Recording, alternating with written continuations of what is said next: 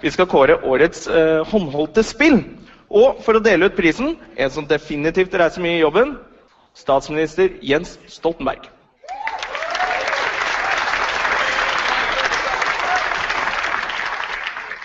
Kjære alle sammen.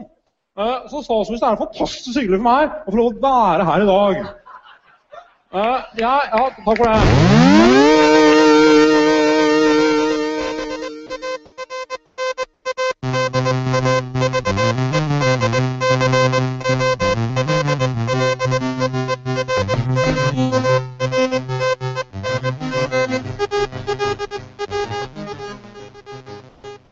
Var et eh, kjært minne for mange når eh, statsminister Jens Stoltenberg ble parodiert på Gullstikka.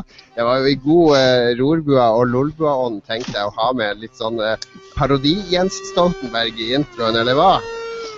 Absolutt. Ja, ja.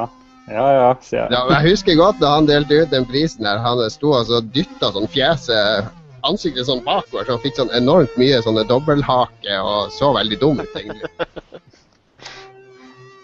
Det har jo gått litt tradisjon i akkurat den her eh, kvaliteten på underholdninga på Gullstikka. Det er ca. det sjiktet de har lagt seg på der. Jeg er spent på hva det blir i år. Eh, som dere kanskje gjetter, så er det, det Gullstikka nå på torsdag denne uka, så vi har laga en Gullstikka spesial. For til tross for at eh, det har vært litt konflikt mellom eh, pressefolk og gullstikker i media det siste halve året, så eh, vi er jo glad i gullstikker, er jo ikke det? Magnus, først og fremst. Det er jo du som har vært der like mange ganger som meg, tror jeg. Nå hørte jeg ikke hva du sa her. Jeg sa, jeg sa at vi er jo glad i gullstikker sånn eh, lite grann, er vi ikke det? Jo, vi er jo det. Det er jo, eh, det er jo en årlig tradisjon, og det er hyggelig å møte lykkelige, velmenende mennesker på fest. Absolutt. Har du vært på Gullstikka noen gang, Lars? Jeg var det én gang. Jeg syntes det var ganske kjedelig, så jeg fuck gullstikka, egentlig. Jeg husker jeg ble så provosert fordi det var delt ut spill til utenlandske titler. Så kom sånne her eh, lokale dudes som ikke hadde noe med spill å gjøre, egentlig, og tok imot prisen. Så jeg syns det var bare flaut. Tok du det personlig da, eller? Det høres kanskje sånn ut. ja, egentlig. Ja, jeg gjorde kanskje det. Var det her i Gullstiga sine høyder? Altså ble du flydd inn av eh, Ble du invitert og transportert og losjert, eller Nei. dro du dit for egen regning? Nei da, jeg var vel bare tilfeldigvis i Oslo, tror jeg. Så eh, hang jeg. Det var noe spill oppe i eh, lobbyen på Sentrum Scene, eller jeg Ja, det pleier å være det. Ah, var det da de hadde Zelda Windwaker der? Jeg husker, Jeg husker, absolutt jeg husker det. Det var, det var første gang jeg så spillet. Da viste de det på, på Gullstikka. Ja, Jon, du var på scenen. Jeg husker ikke helt hvorfor. Jeg tror ikke du var konferansier eller noe sånt. Det tror jeg ikke.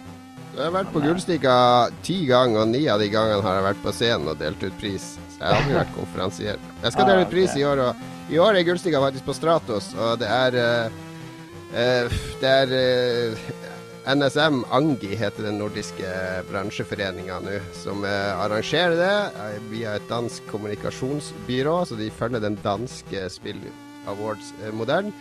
Så det er egentlig ganske likt sånn som Gullstikka var for når du var her, Lars. Så det, det er en bransjepris, sånn som jeg ser det. Men det er, det er en morsom, morsom bransjepris. Bare de holder det som en bransjepris. Ja. Men vi skal i hvert fall ta for oss Gullstiga i dag. Vi har nemlig eh, tatt, sett nærmere på alle de nominerte i alle de eh, litt rare kategoriene, må vi kanskje si, eh, her og der. Og vi skal gå gjennom hver kategori, og så skal hver av oss gjette hvem vi tror vinner. Og så får vi se neste uke da hvem som klarte å ta pulsen på uh, gamereaktorleserne, som vel er de eneste som har fått uh, lov til å stemme denne gangen. Hvordan tror du det går, eh, Magnus? Du har jo jobba i Game Reactor med meg. Ja. Har du fortsatt Game Reactor uh, i deg? Nei, jeg har en Game Rector-konto. Jeg, jeg tror ikke så mye av ånden etter uh, Heter ikke du Date Rape på Game Reactor? Nei, ikke på, ikke på Game Reactor. Det, ja, det var, det var Men det, det skal nevnes at det, dette er fra for eh, ti år siden, mens det var edgy oh, ja, på internett Det var i da- something, da det var something inn, det awful Det var sånn det går eh, for tida di. kontoen min, men, men det var fra den tida da det var kult å være edgy på internett. Hadde du, hadde du malt en sånn X på hånda di med sprittusj òg? Uh, nei, Nei. for uh, jeg, drakk, jeg drakk alkohol på den Hvem tiden. hvem var den største kjendisen som har vært på Gullstikka? Var det sånn at sjåføren til en eh, utvikler var der og sånn? Det var jo på den der norske Amanda-filmprisutdelinga, så kom jo sjåføren til han der Blake i Falcon Crest og sånne greier. Ja, Nå blander du med, med KLM-parodien. Da var det sjåføren til Blake. Nei, Trond, Trond, Trond Giske har delt ut pris der som kulturminister. Det er sant. Trond Giske han har jo vært overalt. Han var på russefeiring i Alta. Linni Meister har delt ut pris. Eh, han Øystein i Øysteins blyant, det vet ikke dere, for dere har ikke unger. Uh, Jo, jeg vet han det. Det var han er skalla eller noe sånt. ja. Og eh, Radioresepsjonen hadde jo underholdninga et år. Andre eller tredje året så hadde de laga alle sånne videounderholdningsinnslag. Det var kjempeartig. Ja. Det var Jeg er den eneste i Norge, tror jeg, som ikke er fan av Radioresepsjonen. Altså. Du skal eh, være så sær, Lars. Ja, jeg- Lars. Magnus. Lars, du, Lars, du er så sær. Det har vært en lang dag for meg, gutta. Jeg tror meg vaskemaskinen står og leker bak her mens jeg står og snakker med dere. Så det, Ja, Så det er ikke du som vasker? Det er en maskin som vasker for deg? ja, men han står og leker ut hele baderomsgulvet. Men nok om det. Gullstikka har altså vart i elleve år, og i år så er det på eh, Stratos på torsdag. Eh, Dit skal jeg og Magnus, og vi skal vel også få med oss Det er litt spennende i år, fordi at samme dag, samme kveld som Gullstikka, så har eh, Megapop Games et et lanseringsparty for sitt spill Trolls vs. Vikings rett opp i gata på Tilt. Og dit skal jo hele den norske, altså de norske spillutviklerne skal jo dit, da. Mens de norske spilldistributørene skal på Stratos. Det er litt sånn der eh, Det gamle og det nye, det etablerte og de, de sultne. De mette og de sultne. Og jeg klarer ikke å komme på flere analogier. Hvem er det som skal spille musikk der på den Chipsell der, skal jo spille Chipsell? på Tilt. Ja. Dere har fått ordre om å koble dere til miksebordet og ta opp eh, ti minutter med det, så skal vi spille det her. Det er bare å huske på det. Vi skal, vi skal prøve. Vi skal få med oss begge festene, eh, Magnus. Ja, jeg tror den der konflikten der er fryktelig, fryktelig oppskrytt. De aller, aller fleste i, av de som dukker opp på Gullstikka, driter en lang marsj i det der eh, dramaet som har foregått eh, i det siste. Og De er bare ute etter å bli gode og fulle med spillbransjen. Og jeg regner med at de fleste kommer til å prøve å komme seg inn ekstra gode og fulle på, og ta nachspiel på, eh, på lanseringsfest på Tilt. Vi får se. Skal vi ta med oss noe mikrofon, eh, Magnus? Jeg tenkte på det. Jeg synes vi, vi burde i hvert fall eh, i hvert fall ha med mikrofonen og, og se om Ja, vi klarer å få til Vi, et vi ser om vi får Kjør på. noe Se hvor men sammenhengende vi prater når vi, når vi er iPhone, funker bra når det er støy òg, så det er bare å kjøre på med den. Ja, Ikke vits å være Vi, fancy. vi peiser på. Vi, men vi må også peise på i podkasten, fordi vi skal vel kåre Vi skal velge vinnere i ti kategorier eller noe sånt. Og det første er, eh, som det så fint heter på Gullstiga sin hjemmeside, Årets shooter. Det, det, er jo, det er jo dansker som har skrevet det her, da. Årets skytespill. Eh, og der er det altså fire nominerte igjen. Det er Battlefield 4, Bioshock Infinite, Call of Duty Ghosts og Metro Last Light. Ja, jeg har allerede skrevet ned min uh, vinner her, tror jeg. Som jeg tror vinner. Ja. Uh, du tror Bioshock Og- vinner? Ja, jeg tror det. Den, er, den solgte bra, og uh, da får de litt kred, de som skal dele ut det her. ikke sant? Ja, du vet at det er folkeavstemning der? Ja, det Det er er folkeavstemning, unnskyld. Jeg trodde det var Ja, OK, jeg glemte det. Jeg visste det. At hvis det står- ja. Mind you. Okay, da Er det noen andre andre som har avstemningsmodulen enn Game Reactor? Det er ikke det. Jeg skal ta en sjanse på at de, de kårer Battlefield der, selv om veldig mange hater det. For jeg tror enda flere på Game Rector hater Call of Duty Ghosts. Nettopp. Jeg, jeg står mellom Call of Duty og Battlefield her. Jeg tror eh, Det som er greia med Call of Duty, er at eh, det er så latterlig mange som spiller det, men som ikke nødvendigvis er liksom på barrikadene og fighter, men som bare har det som sitt sånn der eh, Det ene spillet de kjøper i året. Ja. Men Battlefield funker jo nå. Altså, når jeg spilte Ja. det først når det kom på PC, så funka det egentlig ganske bra. Men det var fordi jeg spilte på dagtid når ikke serverne var overbelasta. Men jeg spiller det på PS4 nå, og det funker egentlig veldig bra. Det er veldig behagelig å spille på PS4, så det er jo, det er jo bra spill. Ja, okay. Nei, men jeg tror det er litt sånn kule kiser som skal stemme frem Metro Last Light. Så jeg, jeg tror kanskje også Battlefield 4 vinner, men jeg går for Metro. Jeg gjør det. Ja. Og Magnus, du gikk for Jeg går for Call of Duty. Jeg tar en, en rå Skriver sjans. du det da opp i uh, sendeskjema? Må jeg skrive? Det må du gjøre. Ok, men da har vi Eh, da, da, men du, det- det skal full sies da. på årets shooter. Vi har altså skutt med haglgevær på årets shooter. Ingen har valgt samme spill. Det er spennende. Men Mm. altså, eh, det er kun Game Reactor-stemmemodulen det er snakk om her, hva? Ja, eller hvis du ikke går rett inn på gullstikka, men det tror jeg jo er marginalt hvem som har gjort. Ja, så det Ja, det er vanskelig, altså. Jeg tror at hvis det hadde vært som, som de andre årene, så hadde det definitivt vært Call of Duty. Men ja. Jeg skal ikke, jeg skal ikke eh, lite livet mitt på dette. Men det er jo gøy at det er litt spredninger. Ja, Så vi men tar nå blir det jo ekstra spennende for oss, eh, faktisk, Yes. Magnus, under gullstikka. For vi må jo ta med oss lista med våre tipp Ja, det må vi gjøre. Altså, Ja, det er var jo han som får eh, mest, han blir jo påspandert Fernet hos han andre, er det ikke så? Eller så Ingen av oss, eh, ingen av oss tippa Bioshock Infinite, så eh, Jens Wass kommer jo garantert til å være på Er det ikke de som har Bioshock? Jo.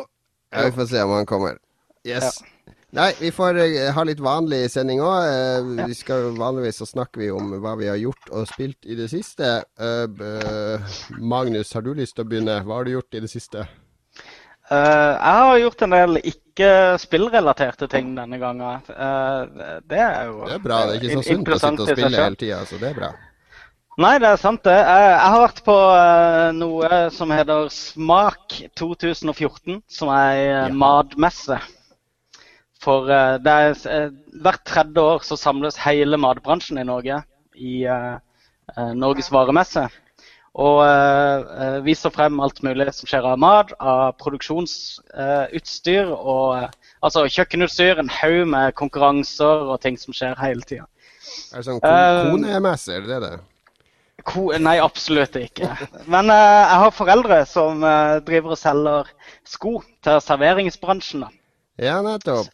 Så de fiksa meg en liten billett der, og jeg gikk rundt hele dagen og spiste smaksprøver og smakte på eh, forskjellige veldig, veldig, veldig, veldig. Sko til serveringsbransjen. Det her har Yes. jeg aldri hørt om. Nei, det, det har du aldri hørt om. Det er en helt merkelig ting. Det er en sånn, eh, sånn smygerbusiness som er dritsvær. Tingen er at alle servitører de driver og sklir på fett og vann og alt mulig. da, Så de skader seg. Og så fucker de opp ryggen når de har dårlige, dårlige sko. Og der er det en helt sånn vill business, da. Med, eh, der det handles inn til svære, svære kjeder. Så Lars, kjøp inn Lars har, du, har du hørt om en sånn restaurantkjede som heter McDonald's? Ja. De har sko, de har sko foreldrene til Lars eh, Nei, foreldrene til Magnus, de, de syr skoen deres. Og ambulansetjenesten. Og, det, det, og politiet, spesialpolitiet kjøper noe sånne her eh, superboots av mamma di som de bruker. Kom igjen da. Magnus. Gi- Si nå bare nettadressen så hvor folk kan gå og bestille disse Det er på tellefsen.no. No way! No Det er Oh yes! Ja, ja, det er familie... bitter, jeg hørte det var bitter strid mellom Arve Tellefsen og familien deres om hvem som skulle ha domenet. Nei, nei, nei. Men det var en annen som sikra seg tellefsen.com back in the day. Men det var jo på den tida da alle skulle ha .com-adresser, og .no-adresser var null verdt. Det var jo din uekte far, Arve Tellefsen. Jeg kommer på det. Ja, det var det, ja. ja. Familiefeide de luxe. Ja vel, nei, men da skylder Tellefsen.no oss eh, litt cash. Det er bra. Det Enda det er cash rett i, eh, bok- rett i lomma, det. Um, jo, men jeg var i hvert fall på det flesk. Jeg har i hvert fall dassa rundt på en hel dag. Spist eh, smaksprøver og sett på kokkekonkurranser og en haug med kokkeutstyr som jeg har lyst på, da. Og ikke har råd til. Hva var det beste du spiste? Uh,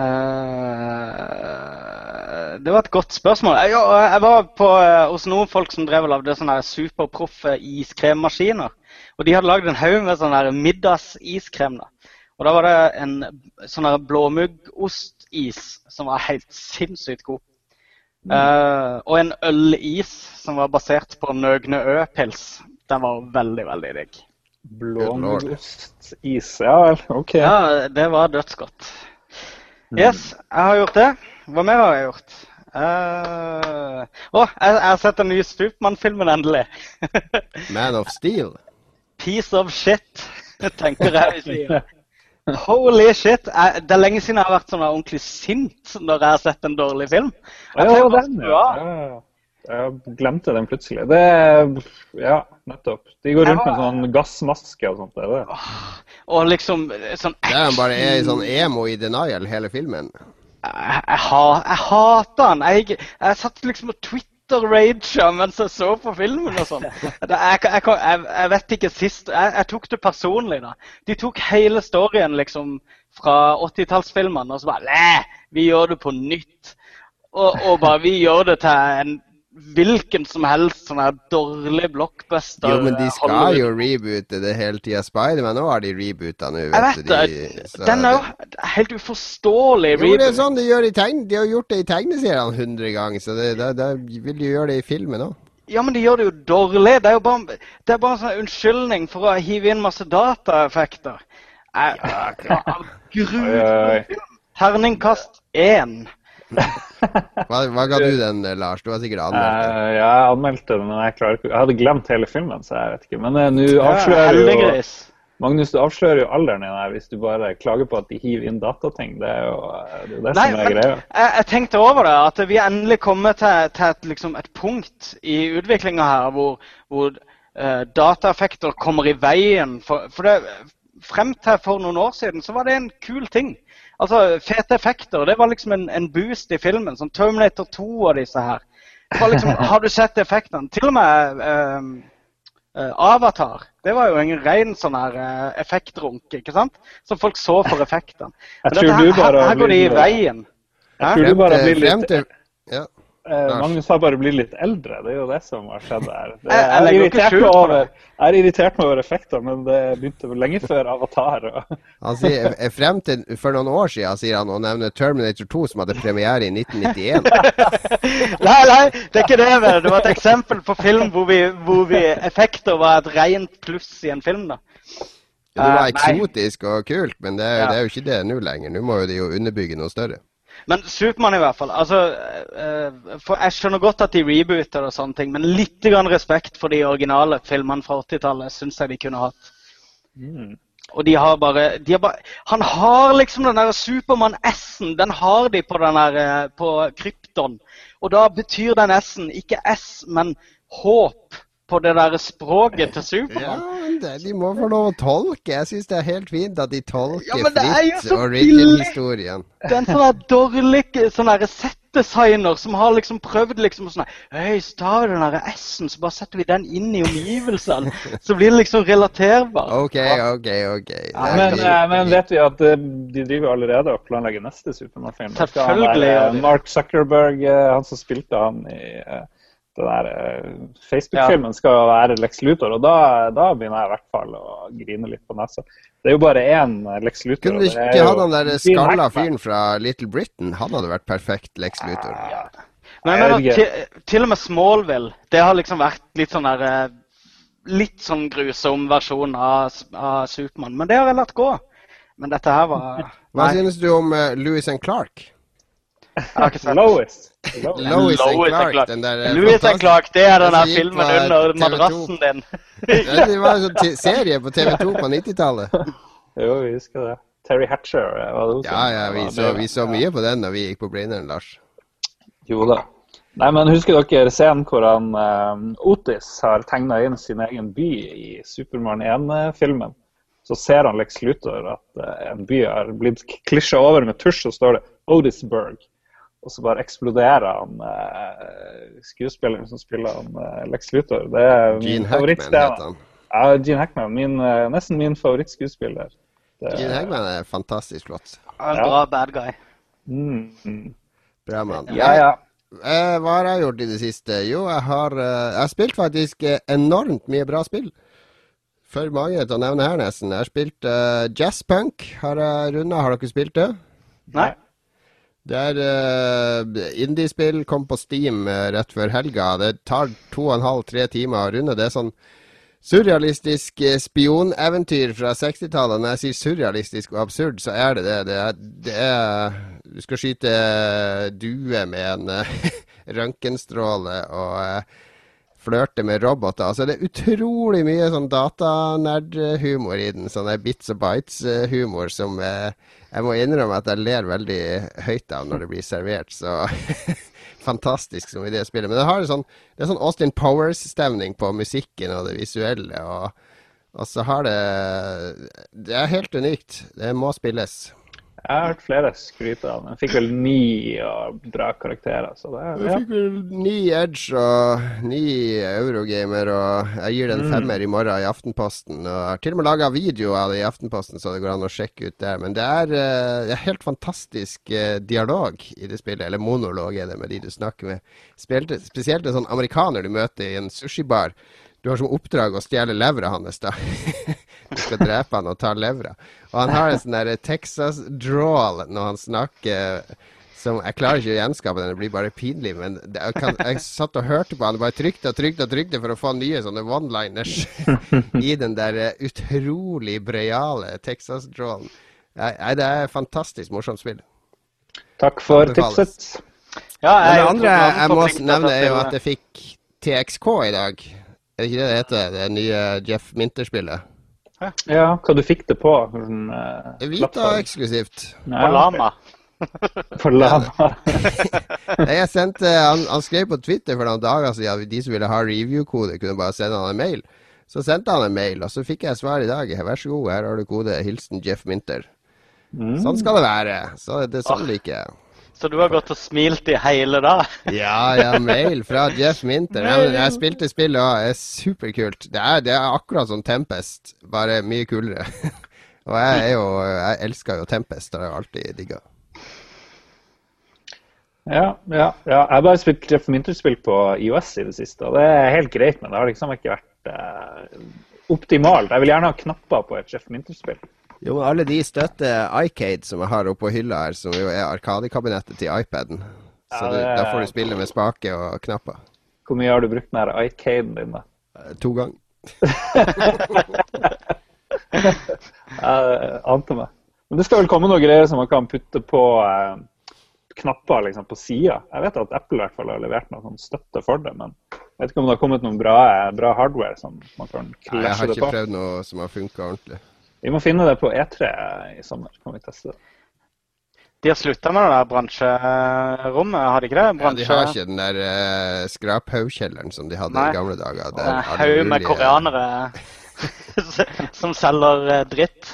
ja, men det er jo litt hardware òg der, er det ikke det? Så vidt. Jo, jeg vi, får se, vi får uh, sjekke det ut. Men du har sett OL, Lars? Det har ikke jeg sett. Ja, det har jeg. Hva er det for noe? Fortell litt. Nei, må jo følge med på OL. Jeg er sucker for alt som er stort. Jeg trenger, det har ikke noe å si hvordan sport det er. Men jeg setter grensa ved kulekjøring. Det ble litt for dumt. Ja, det, er det verste er aking. Ja, Aking er jo greit. Du ser jo ikke idiot ut når du drar og aker. Like idiot som når du drar og ødelegger knærne dine på de her eh, bakkene der. Og, kom, man ser jo aking av og til på sporten hvis de ikke har noe ekstra. Så sier de at det er nordmann med der. Men kulekjøring det ser du liksom aldri, bortsett fra i OL. Så det er hvert fjerde år så får de lov å Det var mye kulekjøring da Kari Traa var the champ. Er det ja, Kulekjøring, er det vinter-OL svar på kappgang? men, Nei, men eh, de ikke... hopper jo litt. Jeg, jeg syns det er kult nok. Ja, Så dere åpninga, da? Det var en dritkul seanse hvor uh, Trond-musikken spilte fra Daft Punk.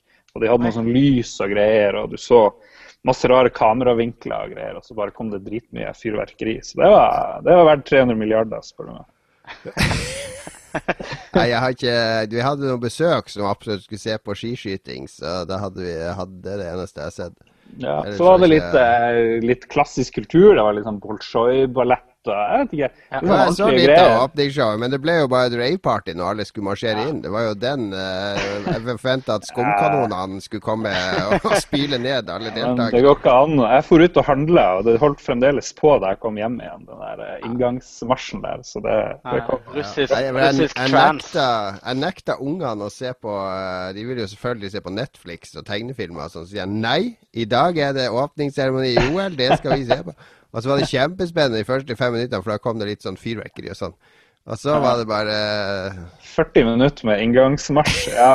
Men det var bra etter den inngangsmarsjen, da. Så det, de, de norske kom med sånn her eh, De hadde sånn her sølv-sixpence.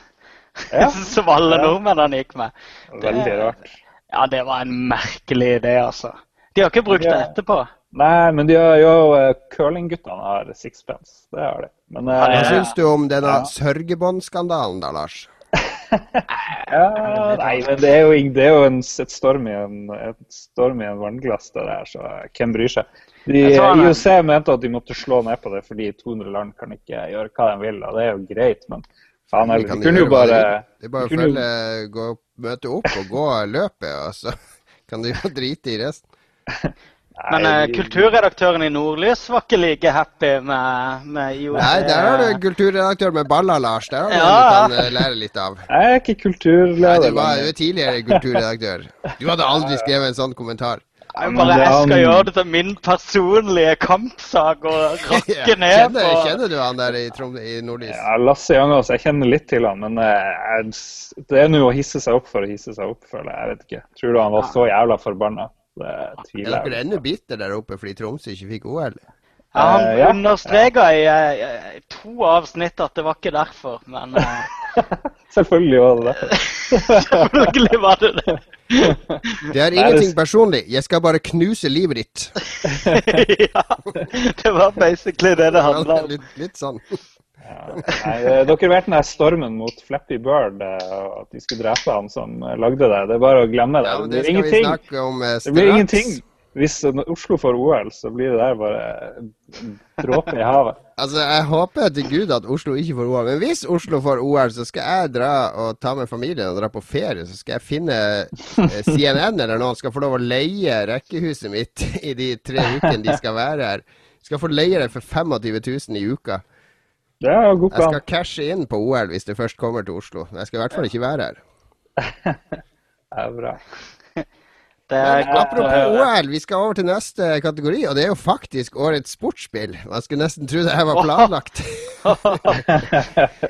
og eh, i- på, i, under årets gullstikker så står det altså mellom Fifa 14, Football Manager 2014, NBA 2K14 og WWE 2K14. Det er noe, det er jo ikke noe spennende denne kategorien, er det? Det er ikke noe konkurranse her, egentlig. Men jeg har lagt inn flere stemmer på VVE når jeg har stemt på gullstikka. Ja vel. Ja, skriv, folkens. Ok, det ble fire på Fifa, da. Det er vel ganske Fire? Ja, Frank, Frank har Jo. stemt. Ja, Jon og Cato har begge to. eh, Lars og Rikard, det er fem, der. Ja. Ola og Magnus òg. Og Ole og Magnus der, se. Sånn, da står det Ole Magnus der. Det er egentlig hemmelig, det, Lars, men han heter egentlig Ole Magnus. Ja, ikke si det til noen på en podkast. Greit. Ja, nei, men Det gikk jo kjempefort, det. Og da tror jeg jo vi er klare for nyheter, er det ikke det, Magnus? Jo, hvis du kan fortelle meg hvordan jeg skal uttale navnet på han som har lagd Flappy Birds. Ja, det tenkte jeg på når jeg skrev det, at jeg gleder meg til å høre deg uttale, så det lar jeg være opp til deg. Bruk aksent. Si det på sørkoreansk.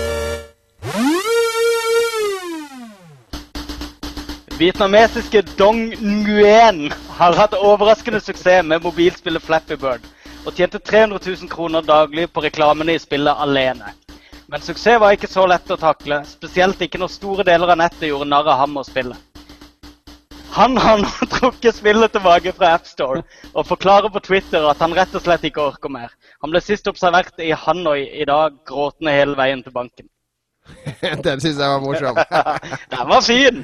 Den var artig. Den var, ja, den var skarp. Nei, men går, går det an å synes synd på han? Altså, han har jo fått et vanvittig Vi snakka jo om Flappy Birds, uh, Flappy Birds sist, så vi var jo veldig tidlig ute, føler jeg, da. Vi var før eh, Red Crew og uh, de der uh, Spillmatic og sånn. Og det er jo det det handler om. Det er det det handler om. Vi er alltid, Lolbua alltid først med det mest uviktige. Vi snakka om Flappy Bird sist, og siden da Jeg har 40 poeng nå da, Lars. Hvor mye har du nå? Eh, mer enn det. 44-45, noe sånt. Ja, for det, jeg syns det ble litt lettere etter den patchen kom. Ja, det ble mye lettere. Jeg mista interessen, faktisk. Fordi de kutta ut den der direkte kopien av Super Mario-rørene. Ja, det forsvant litt av skjermen. Jeg er enig i det. Men han, øh, han har fått så mye hets og hat og øh, henvendelser at øh, han høres ut som en veldig sart sjel, han der eh, Dong Nyen. Ja, slutt å kaste de harde, skarpe millionene på meg. Nei, men han fikk, vel, han fikk vel 400, eller om det var 400, han fikk i hvert fall masse hundre dødstrusler hver dag. Da. Og det er jo sikkert ikke ment seriøst. Jeg så en nordmann som skrev òg jeg skal drepe deg, bla, bla, bla. Skrev jeg 'gratulerer, du er nå en av de idiotene', eller noe sånt. Da sa jeg ja, men det er bare et sitat fra en eller annen film. Men eh, jeg vet ikke. Dødstrusler uansett er ut. Uansett om det er humor eller ikke. Jeg klarer ikke å se humoren i det. Og jeg skjønner godt at han trakk det, fordi jeg har sjelden sett noen få så mye hat på så kort tid. Da.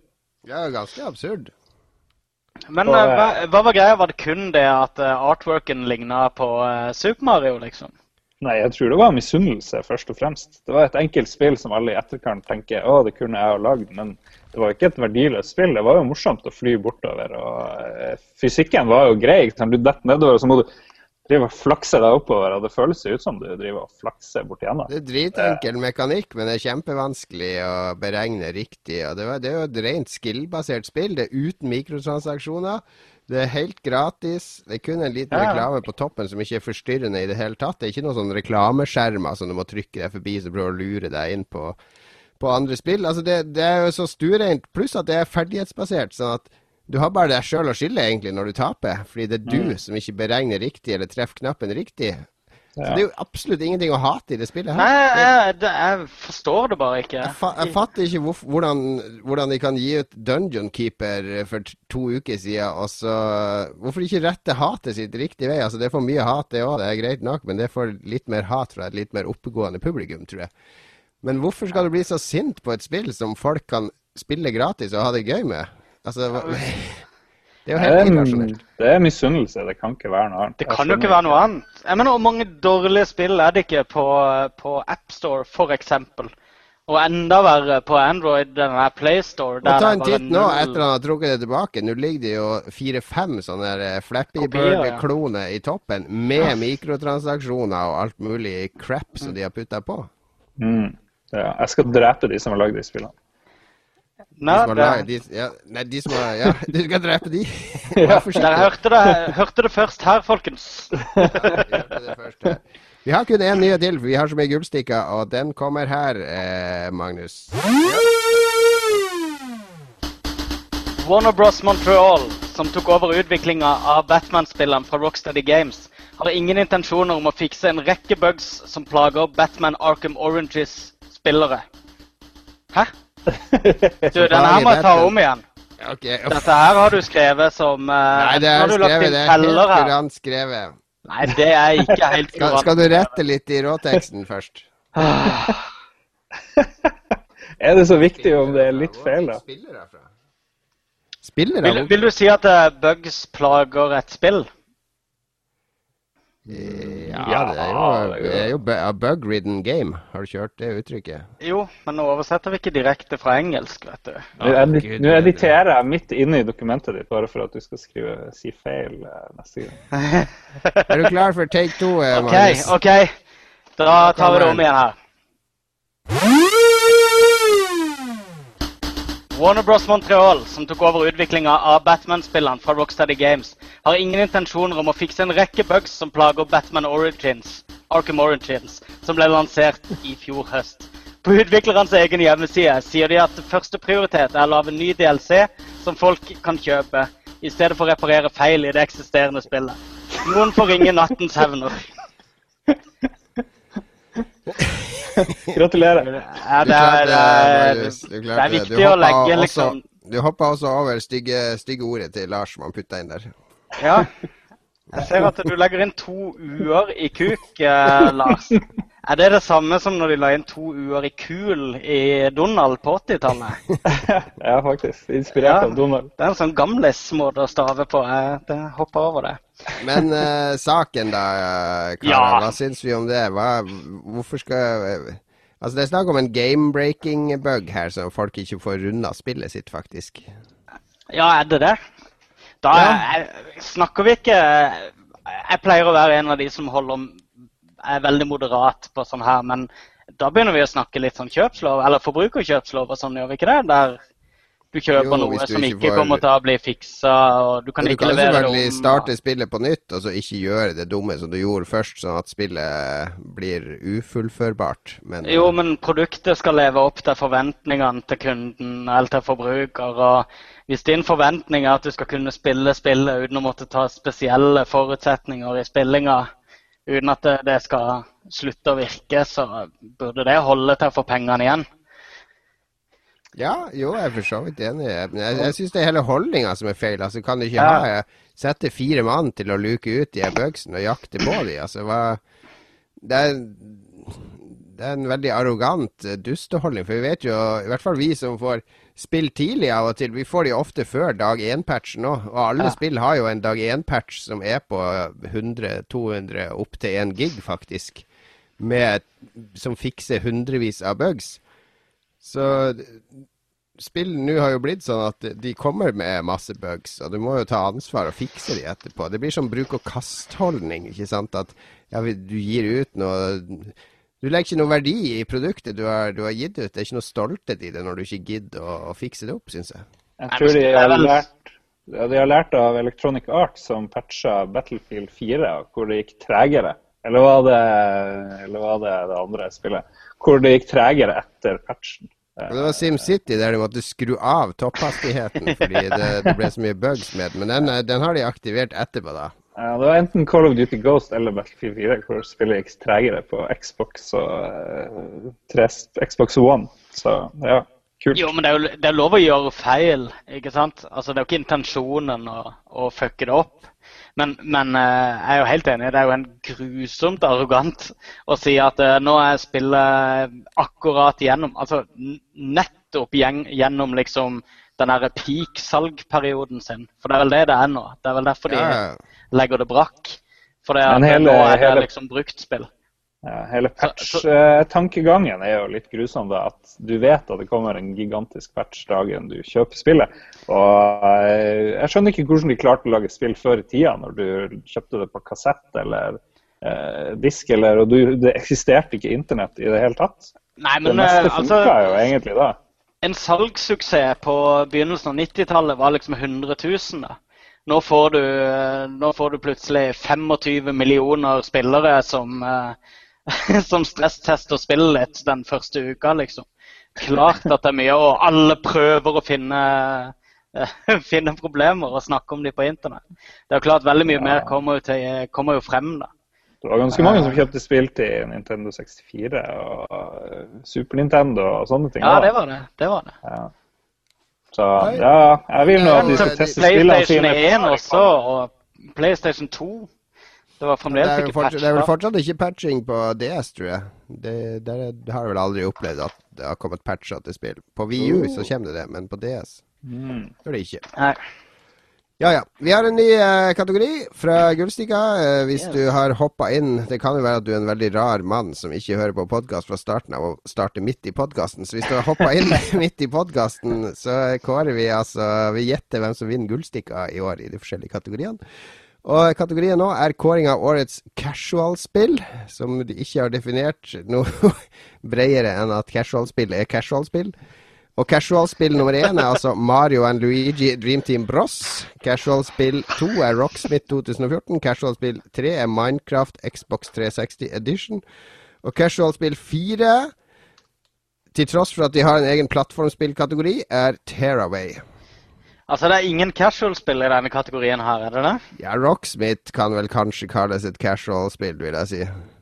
Eller det er jo ja, knapt nok et det spill, et- Det er jo mer et verktøy for å lære seg å spille gitar, da. Men Det er uh, jo et musikkspill, bare at du spiller med en ordentlig gitar. spilte ikke du det første Rocksmith litt, uh, Lars?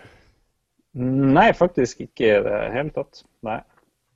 Jo var... Tore, ra- vår, vår, eh, vår infamøse eh, drømmegjest Tore, han, han spiller mye Rocksmith 2014, faktisk. Ah, okay. Ja, jeg har lyst på det. Har han elgitar, eller hva er det han bruker? der? Ja, han eh, spiller med Fiolin. gitar, selvfølgelig. Men du kan spille med bass og gitar, kan du ikke det? Ja, jeg tror det. I det nye. Eh, bare en liten oppdatering fra YouTube, hvor folk følger oss. Eh, YouTube? Når er gullstikka? Var det torsdag, var det? Det er torsdag, eh, jeg tror det begynner seks eller syv, og det er på, på Stratos i Oslo, og du må være invitert for å komme inn, tror jeg. Regner jeg Du kommer inn gjennom en, en heis. Eh, men eh, eh, eh, ja, ta kontakt med oss, og så skal vi se hva vi får smugla inn. Hvis du er- superhypp på å dra dit, så skal, kan vi prøve å få deg inn. Jeg er ganske liten, så det er fullt mulig at jeg sitter på skuldrene til noen. og vi har Bare si i døra at du heter Ole Magnus Tellefsen, så kommer Ole du. Magnus. Det holder, tror jeg. Det er det jeg pleier å bli. Superchest, som, nei, Secret Chest, som følger med oss der, og sier han liker nye Supermann og nye Spiderman. Prøv å se de gamle Spiderman-filmene på nytt. De er forferdelig dårlige. Da vet vi det. Ah, Ja. Det er greit. Men gutta, vi skal kåre casual-spillet nå, og det her er jo jeg, jeg setter stemmen min selvfølgelig på Minecraft, selv om det ikke kom i fjor på Xbox 360. Ja, så jeg er helt ikke hvorfor det er med, men eh, Minecraft får stemmer bare fordi det er Minecraft. Ja. Er ikke, er ikke Minecraft eh, Er det fremdeles like hipt? Det er kjempestort fortsatt. Ja, det er det. Ja. Men 360 Edition, ja, det var i fjor, det. Masse folk som spiller på 360, og på PS3 òg, for så vidt. Så Eh, lurer jeg, om jeg skulle ønske at Tearaway kunne vinne, vinne et Det er jo ikke et casual-spill, det er det. Tearaway. Nei, nei, det, det er jo ingenting her som er casual. jeg vil jo eh, jeg, Hvis jeg hadde hatt tid til å spille det, så frykter jeg jo at jeg hadde hadde nok endt opp med Mario Luigi, rollespillet Mario Luigi, eh, Dream Team Bros, som er en favorittserie av mine. da. Jeg har ikke hatt tid til å spille men uh, nå gjetter vi jo på hva vi tror vinner, ikke Jeg syns Mario Luigi var kjempekult. Jeg spilte Ja. i sommer, så det, det er sjarmerende. Men Tearaway er uh, et strålende spill som fortjener honnør. Det er jo Kommer til å bli en av Vitans mange svanesangspill, sammen med Tek, eh, TXK og Ollie Ollie og Ja, mye bra på Vita nå. Mm. mm. Vi får hoppe Ja. rett over. Vi har allerede hatt uh, årets skytespill, men på Gullstiga så får de ikke noe action, for de skal også ha årets actionspill. Yes. Og her er de nominerte GTA 5, Last of Us, Assassin's Creed 4, Black Flag og Pokémon XY. Hvem går av med seieren som årets actionspill? Det var jo Pokémon som introduserte meg til actionspillsjangeren i eh, Det er adrenalinpumpende action i Pokémon-greiene. Altså, jeg må, når jeg har fanga mer enn tre, må jeg bare legge den fra meg, gå ut og ta litt luft og roe ned det skjelve. Riste det i hele kroppen. Jeg husker Hva var det det var Pokémon Blue som var så skummelt, var det ikke det? Ja, ja, du gikk i sånn høyt gress i flere måneder etter Ja, at du spilte. Ja, det er Ja, synd at brain training Synd at brain training ikke ble gitt ut i fjor, for da hadde jo det blitt eh, en det hadde eh, vært sterk eh, utfordrer. Ja, vi, har jo, vi, vi får slenge inn et uh, leserbrev her, fordi Jostein fra Radcrew uh, lurer jo på hva vi syns om at det er nominert som beste actionspill. Og Grunnen til at det er nominert, er jo at de har funnet ut at uh, det finnes ikke eventyrspill eller rollespill lenger, så de to kategoriene har de fjerna. Så da er det jo ikke noe sted å putte spill som Pokémon lenger. Eh, Casual-spill, det er vel Det er jo Ja, der det de har mer å gjøre i Ja, det kunne jo vært oppi casual-spill. Hvis Mario Luigi er et casual-spill, så er vel Pokémon også det. Ja. Men så er det vel også, hvis vi skal snakke litt politikk, så er det vel også sånn at uh, Bergsal, altså distribuerer Nintendo i Norden, de er vel ikke medlem av NSM og Angi. Så at jeg tror vel egentlig at de prøver å Det kan jo være at de prøver å stue disse Bergsala-spillene i kategorier der de vet at de har minst sjanse for å vinne òg. Ja, det Fordi de, de, de Bergsala tok ganske mange priser i fjor på, på Gullstikka, og de var jo bare med som De er jo freeriders på en måte, så ja. ja, der hørte det her først. Ja, fikk vi en Nintendo Gate. Ja. Nintendo Gate. Nei, men hva sier vi? Lars har skrevet på Grand Theft Auto.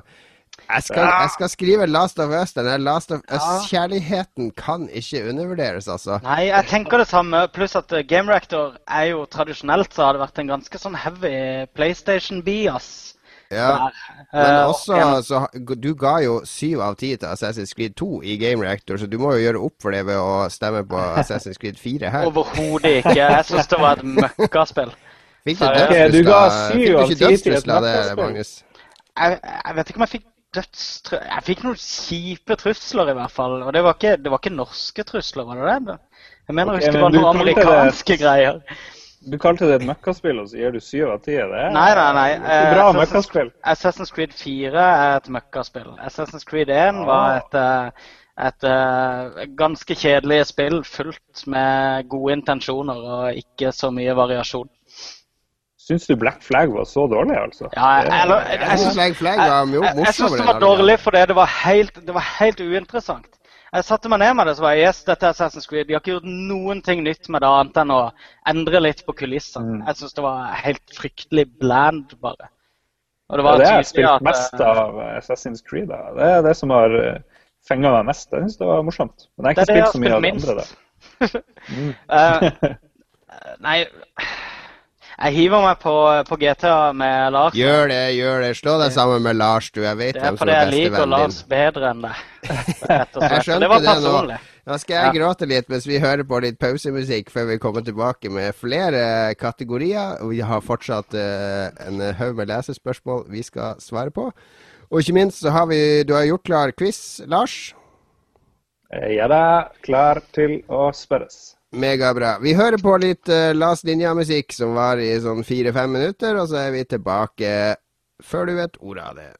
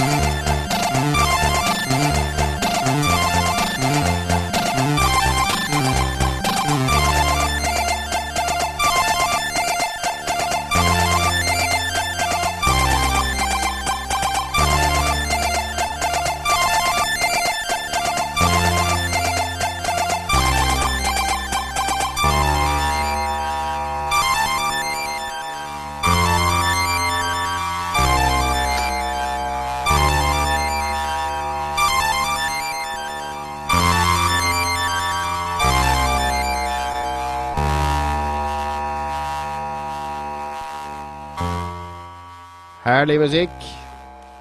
Awesome! Ja, det er herlig. Eh, dama, mi, dama mi hørte på, har hørt på musikken vår og podkastene, og så sendte hun meg en eh, gif på hvordan hun følte det når hun hørte på musikken vi spilte. Det var en hund som sto helt forvirra mens noe lys drev og blinka. Det er det jeg òg føler. Ja, den, musikken her er jo faktisk filmmusikk òg, for den var jo med i uh, den berykta Dissident Aggressor-filmen. Som vi uh, Jeg har den liggende her på maskinen, så det er mulig en eller annen jubileum Når vi kommer til sending 100, så skal jeg publisere den på, på hjemmesida vår. Så kan folk Den Det er en hjemmelaga film på nesten én time der jeg blir drept to ganger i løpet av filmen. Jeg er dessverre ikke med i den filmen der, da, men eh, ja. Du er med i ånden. Nei, det er en veldig bra film. Absolutt. Da må vi jo samle castet. Cast and crew. Vi må ha en, eh, en Dissident Aggressor cast spesial-podkast. da. Absolutt. Vi eh, peiser videre med neste kategori før vi går over på lesespørsmålene. Eh, Det er årets strategispill. Og der er de nominerte Civilization 5, Brave New World, altså en tilleggspakke til Civilization 5. Fire Emblem Awakening, SimCity 2013 og Starcraft 2, Heart of the Swarm. wow. Takk for å være med i eh, Downton Abbey her, Jon. Det er bra å høre. Nei, den var litt vanskelig. Det står mellom eh, Fire Emblem og Starcraft 2 her, tenker jeg. SimCity kan jo ikke vinne. Nei Altfor mye sånn Det vi kanskje eh, undervurderer, fordi nå tror jeg det er ganske få som stemmer i år, siden det bare via Game Reactor. Det vi undervurderer da, er jo hva de mobiliserer, disse selskapene som er nominert. Altså EA vil jeg jo tro eh, mobiliserer hele europakontoret sitt og sender link, gå inn her og stem på EA-titlene og sånne ting. Hvor, mye, hvor utslagsgivende kan det bli? Det er ikke så lett å si. Det vil vise seg på hvor høyt SimCity 2013 kommer på avstemninga, tror jeg. tror Men det er eh, er- du safer med, med Starcraft, Magnus. Altså, jeg spiller jo ikke star nei, strategispill. Jeg er jo helt grønn på det. Men uh, igjen, jeg kjenner jo eh, Tror jeg, da, så tror jeg jeg kjenner Game Rector-spillerne relativt godt. Og hvis du skal inn i noe flertall, så tror jeg det blir Starcraft, altså. Ja. Nei, jeg er litt enig med deg. så Jeg skal gir ta en, rå, jeg tar en råsjanse nå. Det er så kjedelig å spille tippe safe hele tida. Hjemmeseier, hjemmeseier, hjemmeseier. Så nå går jeg for en, eh, en major upset. Jeg tror Wow. at EA jeg har mobilisert så hardt. Og at mange av Game Reactor-spillerne leder an av den godeste Snåsa-mannen vi kjenner i Game Reactor. Han elsker jo ja. SimCity. Han syns jo Ja, SimCity er et fantastisk spill, så jeg tror han har mobilisert en mot, uh, mot eh, Trønderbataljonen som er inne med Ja. Nei, You're Ja. going down, Jon. Det her, eh, her blir ditt nei, største feilgrep. klokke, klokketro Klokkertro, som det heter, ikke klokketro, på SimCity i denne kategorien. Vi skal over på på eh, lesespørsmål. Uh, eh, Lars, har du lyst til å lese opp hva leserne har sendt oss? er det denne- første gang vi har fått eh, spørsmål fra Ralf William? Jeg tror kanskje det er Du har en over der du må svare på ja, det var en først. over. Ja, ja, det var forrige gang en som het Henrik Larsen, som spurte på YouTube. Er ikke det en svenske, svensk fot er det han svenske fotballspilleren Henke Larsson? Henke Larsson. Jeg tror det er Jeg hører han på. Lolbua, yes. Eh, Fordi han eh, det, Vi liker Henrik Larsen, men han skrev med orddelingsfeil, så kanskje han er svensk. Hva er favorittspillet deres? Og eh, Det er jo et vanskelig spørsmål. Jeg har eh, visst om det spørsmålet i en uke, men jeg har ikke noe godt svar. Jeg har ikke ett spill jeg liker best. Er det noen av dere som har ett spill som er det beste? Nei, det forandrer seg hele tida. Ja. Ja, det gjør det. det, gjør det. Så det men det er et godt spørsmål, for da må man jo spørre. Men jeg pleier å dra fram et som aldri forsvinner fra topp treen min, er jo Visball. Altså, jeg, drar, jeg vender alltid Mm. tilbake til det på et eller annet vis fra en eller annen vinkel. Så Whistball står for meg som mitt uh, Det er det jeg vil ha Mm. på gravsteinen min, han der uh, runde, grønne ballen. Ok, Magnus, hvis du får pistol mot hodet og må svare Jeg har svart på en del sånne ting. For det, det dukka veldig mye opp back in the day. Det der eh, at du skulle plukke det beste spillet du hadde spilt. Og jeg har bare en sånn her uh, reaksjon, Refleksreaksjonen min er Dave the Tentacle, som jeg har prata om tidligere også. Men å si at det er favorittspillet mitt, blir litt rart. Hvis du skal dømme etter antall timer jeg har spilt, så er det World of Warcraft. Men jeg vet ikke om jeg vil kalle det heller for et favorittspill. Akkurat nå er det Wolf Among Us som jeg holder på med. Oi. Eh, hvis jeg skal si det spillet jeg har hatt gøy med lengst som sammenhengende, så var det kanskje eh, spillet som jeg håper vi får en av eh, de som lagde det, til å være med. Det er jo X-Pilot. Jeg hadde det sinnssykt morsomt med det spillet. Det var et Ja, veldig fantastisk gøy, veldig eh, gøy. år. eh, Omtrent, eh, kanskje mer. Jeg drev og spilte det, altså. Hvilket år var det? 96, noe sånt, kanskje. Ja. Ja, 95-96, tipper jeg. Der omkring. Satt på Blindern i Oslo på IFI-bygget og spilte mot folk i Tromsø. Ellers i verden. Jeg og Jon drev og gikk inn og ut der. Og... Men du var ikke med Jeg, jeg var jo på X-Pilot uh, Summer Camp i Danmark i Mm. 1999. Der vi samla oss i et sommerhus, tyskere, finner, svensker, dansker og nordmenn, ja. for å spille X-Pilot. Nei, jeg tror jeg vet ikke hvor jeg var da. Du var i Japan da, kanskje? Ja, kan godt hende. Nei, jeg skulle gjerne vært med. Det var, det, jeg har sett bildene, for å si det sånn. Ja, det var et legendarisk treff. Er det ikke litt trist når favorittspillerne våre er liksom 18-20 år gamle? Betyr det at vi liksom vi pika sånn her spillgledemessig da? Og så etter det så Nei, men er ikke, er ikke favorittfilmene dine òg 30-40 år gamle? Er ikke det sånn Gudfaren og Apokalypse nå og 2001 og sånn? Ikke noen- egentlig. Jeg, jeg har, og jeg har gått litt i meg sjøl med spill også. Jeg har lært meg litt, tror jeg, da. Og, og, altså, spiller spill er mye bedre nå enn de var da vi var kids. Det var bare jo, det de er det ingen tvil om. Det er Ja. ingen tvil om. Ja, men det er, jo, det er jo den der følelsen av at du spiller noe nytt som du aldri har opplevd før. Og den feelingen er vel vanskelig å Ja, men da graderer du egentlig Ja, ja, jeg er helt enig, men da graderer du på en måte bare nostalgi, ikke, ikke spillet, hvis du skjønner. Ja, men, Men eh, vi snakker jo ikke om, eh, vi snakker jo om favoritten. Altså det, favoritten er jo noe som du Det er jo mye mer subjektivt enn hva er det Mm. beste spillet du har spilt, hvis vi skal gå inn på sånn pedantisk eh, spilljournalist. Ja, nei, men jeg, jeg krangler på ingen måte. Jeg bare jeg, jeg ser litt innover her. Den dype, gode at, At livretten din, eh, favoritten din å spise er hamburger, men eh, så må du egentlig ta noe som er mye mer sunt og næringsrikt, for det, det er den beste retten. Altså, Nei, det er vel litt mer som å si at uh, favorittretten min er liksom sånn her most banan. at liksom uh, For det at det digga jeg da jeg var tre. Og det var min største matopplevelse, liksom. Men Jeg er litt jeg- og så kjører jeg et par ekstra alternativ. Super Mario 64 var jo helt genialt. Det, det kunne man òg spille veldig lenge. Monkey Island, mm, ja. ja. Men, men, men jeg er enig med Magnus. da. Jeg, jeg velger jo ikke Jeg velger Visball fordi at det fortsatt er bra. Altså Jeg velger ikke Ja. spill som var bra da, men det må jo holde seg for det, hvis det, hvis det skal være noe vits å velge det. Ja, riktig. Nei, det trenger de jo ikke. Eller Hvis det, skal, hvis det skal være favorittspillet ditt, hvis det er liksom største, beste spilløyeblikk, så er, da er jeg litt mer på den der greia med at da jeg var fire år og fikk ZX Spektrum, liksom. da, da er det liksom Fikk du Spektrum når du var fire år? Ja, fire-fem. Ja, min storebror hadde. det.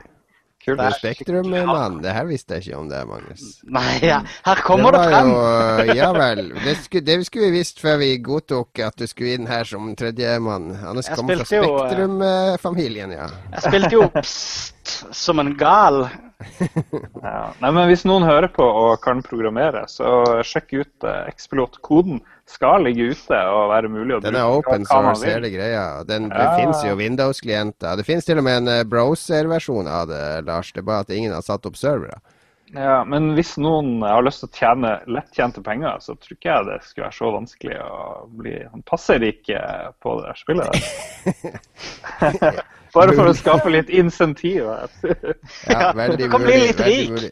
Takk for spørsmål, eh, Henrik Larsen. Vi kunne, vi, vi, kunne snakka, vi kunne sikkert snakka om det her i en time til. Neste, Lars, er Ralf William. ja, er han en new dude? New listener? Det er det jeg lurer på. Kan ikke huske jeg har vært på Ja, Han virker som han er nordnorsk. Han skriver på nordnorsk. Er det for mye å be om en skikkelig nordnorsk omtale av Flappy Bird? Tror dere han kommer med en oppfølger? Too Bird, too Flappy? Jeg tror ikke det. Nei, det virker ikke sånn. Men du, kan jeg spørre hvorfor, hvorfor alle nordlendinger er, er det, Kan dere ikke skrive, eller foretrekker dere å skrive dialekt av en eller annen sånn trasse? Du har jo en? Kristiansand-venner som skriver æ og dæ. Det er veldig lite av det, faktisk. Det, det forekommer, men det er, det er mer unntaket enn regelen, altså. Oslofolk skriver jo dialekt hele tida. Jo Ja, for de sier mye 'jeg' og 'meg' og sånn. Ja. Har du, har du aldri fått melding fra Jimmy, Magnus? Du vet jo at det, det står ikke på norsk. Det står på breieste Groruddalen. Jo da. Eh, jo, jo. Eh, jeg syns det, det er helt greit, men jeg er litt fascinert over det. Jeg tror det handler litt om eh, å skape seg identitet. Jeg tror jo. mange nordlendinger bruker det fordi det er noe eh, Det er som smileys, eh, altså å bruke dialekt for det. Ja, jeg er motstander av å skrive på dialekt. Jeg syns Jeg skriver aldri på dialekt. Jeg hater det. Skriftspråk skal være en felles plattform for kommunikasjon. Det er, ab det er abstrakt i utgangspunktet. Ja, men hvorfor skal du abstrahere dialekt for å Hvorfor skal du på død liv snakke dialekt når du skriver til noen? Og der, Ralf William, fikk du din skikkelig nordnorske Sorry, Ralf William. Det er, ikke, det er ikke så veldig eh, personlig. Det er litt personlig. Men eh, det er til deg og alle andre der oppe. Og her nede. Ja, nei, en skikkelig nord... Vi, har- vi snakka om det forrige gang. Jeg, vet ikke om det er så mye mer å si. Jeg syns det er et briljant lite eh, mini-flash-aktig spill. Det, det er tidsfordriv sånn som sånne spill skal være, og det fungerer helt utmerket som det. Jeg vil si at du er fette arns hvis du ikke liker Flappy Bird. That's Jeg har ikke spilt det. Eh, Jeg satt på skolen med siden av en av kidsene, og eh, han satt og spilte det. Jeg spurte om han spilte Mario. Eh, Så jeg havna jo rett inn i denne kategorien med Mario rip-off lol. Men jeg syns det så Jeg er ikke helt med på den type spill. Jeg synes ikke Det er bare tidsfordriv. Det er flashspill, ikke sant? Ja, men jeg har hundrevis av spill som ikke bare er tidsfordriv, så jeg ser ikke helt uh, gleden i det. Ja, ja, gå an, ta nå på deg alpelua og sett deg og spille, Lars. Og... Ja, ja. Nei, han er ikke bra. Der var det Lars Jo, igjen. Magnus, Jeg liker når, når det er negativt, Altså, så er det Lars. jeg har vært Lars. oppe eh, jeg, Ja. Det er ekstremt lite søvn i det siste. Vi har en liten gutt som eh, driver og terroriserer oss om nettene for tida. Så beklager eventuelle navneglipp. Nei, det er, det er helt greit, men jeg bare, jeg bare noterer at hver gang det er noe negativt du har å si, så er Så, det så snart det Magnus det? Slutter å terrorisere meg om nettene, så går det nok bedre. Har vi uh, Han Confusus90, han har jo sendt inn spørsmål Yeah. hver gang, Lars. Ja, vår kanskje mest trofaste lytter. Hvorfor så merkelige kategorier i Gullstikka, mener han det? Hvorfor ikke ha en beste norske spill-podkast? Det skal vi nok ha en gang. enkelt. Ja, men det, vi kommer til å ha det Det er litt for seint i år, kanskje, men eh, til neste år tror jeg vi skal klare å forberede dette i januar. Men det er jo fordi det hadde blitt landslide. Det fins jo bare én reell norsk spillpodkast. Men har de, de har ikke beste norske spillnettsted? Det hadde de vel før? og sånn. Det hadde de før, ja. Beste community. Ja, ja. Hvorfor er det ikke det med nå, da? Øh, nei, de har eh, beste butikk. Mm. Bare for å holde seg mest mulig aktuell. Nei, de har, eh, de har noe beste butikk og noe hederspris og noe annet som de kårer sjøl. Som folk ikke får lov å stemme på. Men før hadde de også beste medie. Mm, ja, ja. Ja vel, skal vi se. Jostein vi svarte jo ikke på han da. Hvorfor Nei. noen merkelige kategorier? Altså, det er, det er i de samme kategoriene som de bruker i Danmark, og det er eh, Det har ikke vært inne noe fagjury. Altså, for å Litt innsideinfo, så har de prøvd å fjerne og hatt de her kategoriene lenge, men vi som har sittet i juryen, har insistert på å ha eventyrspill og rollespill. og Sikre bredde og mest mulig fornuftig nominering. Men i år så har det ikke vært noe jury, fordi det var ikke, var ikke så mange journalister som var interessert i å bidra. Så det er derfor det er så mange merkelige kategorier. Den var det. Det var det. Det var det. Skal vi se, vi har ny oppdatering på YouTube. Secret Chests sier at sitt favorittspill er Metal, Gears, Metal Gear Solid 3 og Zelda Windwaker eller Majora's Mask. Og så sier han videre hvis vi har lyst til å hjelpe noen til å snike inn to-tre wannabe spilljournalister på uh, Gullstikka, så gi shout-out. Som sagt, jeg kan i hvert fall uh, ha én på skuldrene under en lang frakk. Eh, Jon Cato er så feit i trynet at en kan gå foran han med en sånn frakk. Men Så, i Han sto, jobben, stor i kjeften, så jeg kan ha deg Ja. inn i kjeften. Det kan du. Det var en god idé. Så da har vi eh, tre han patroner vi har eh, flaks Sec- med. Secret Chest kan eh, ta, sende meg en melding på Facebook, så skal vi se hva, hva vi Jeg tror han heter Stig Kenneth, skriver han her. Han Stig skriver årets, Kenneth. årets strategispill, Siv 5. Spår han det. Så vi får ta den med oss. Bra, bra. Vi har et spørsmål fra Jostein nå, har vi ikke det, Lars? Er, Jostein. er han OL Gerhard Heiberg mer Sonic eller Mario-fan?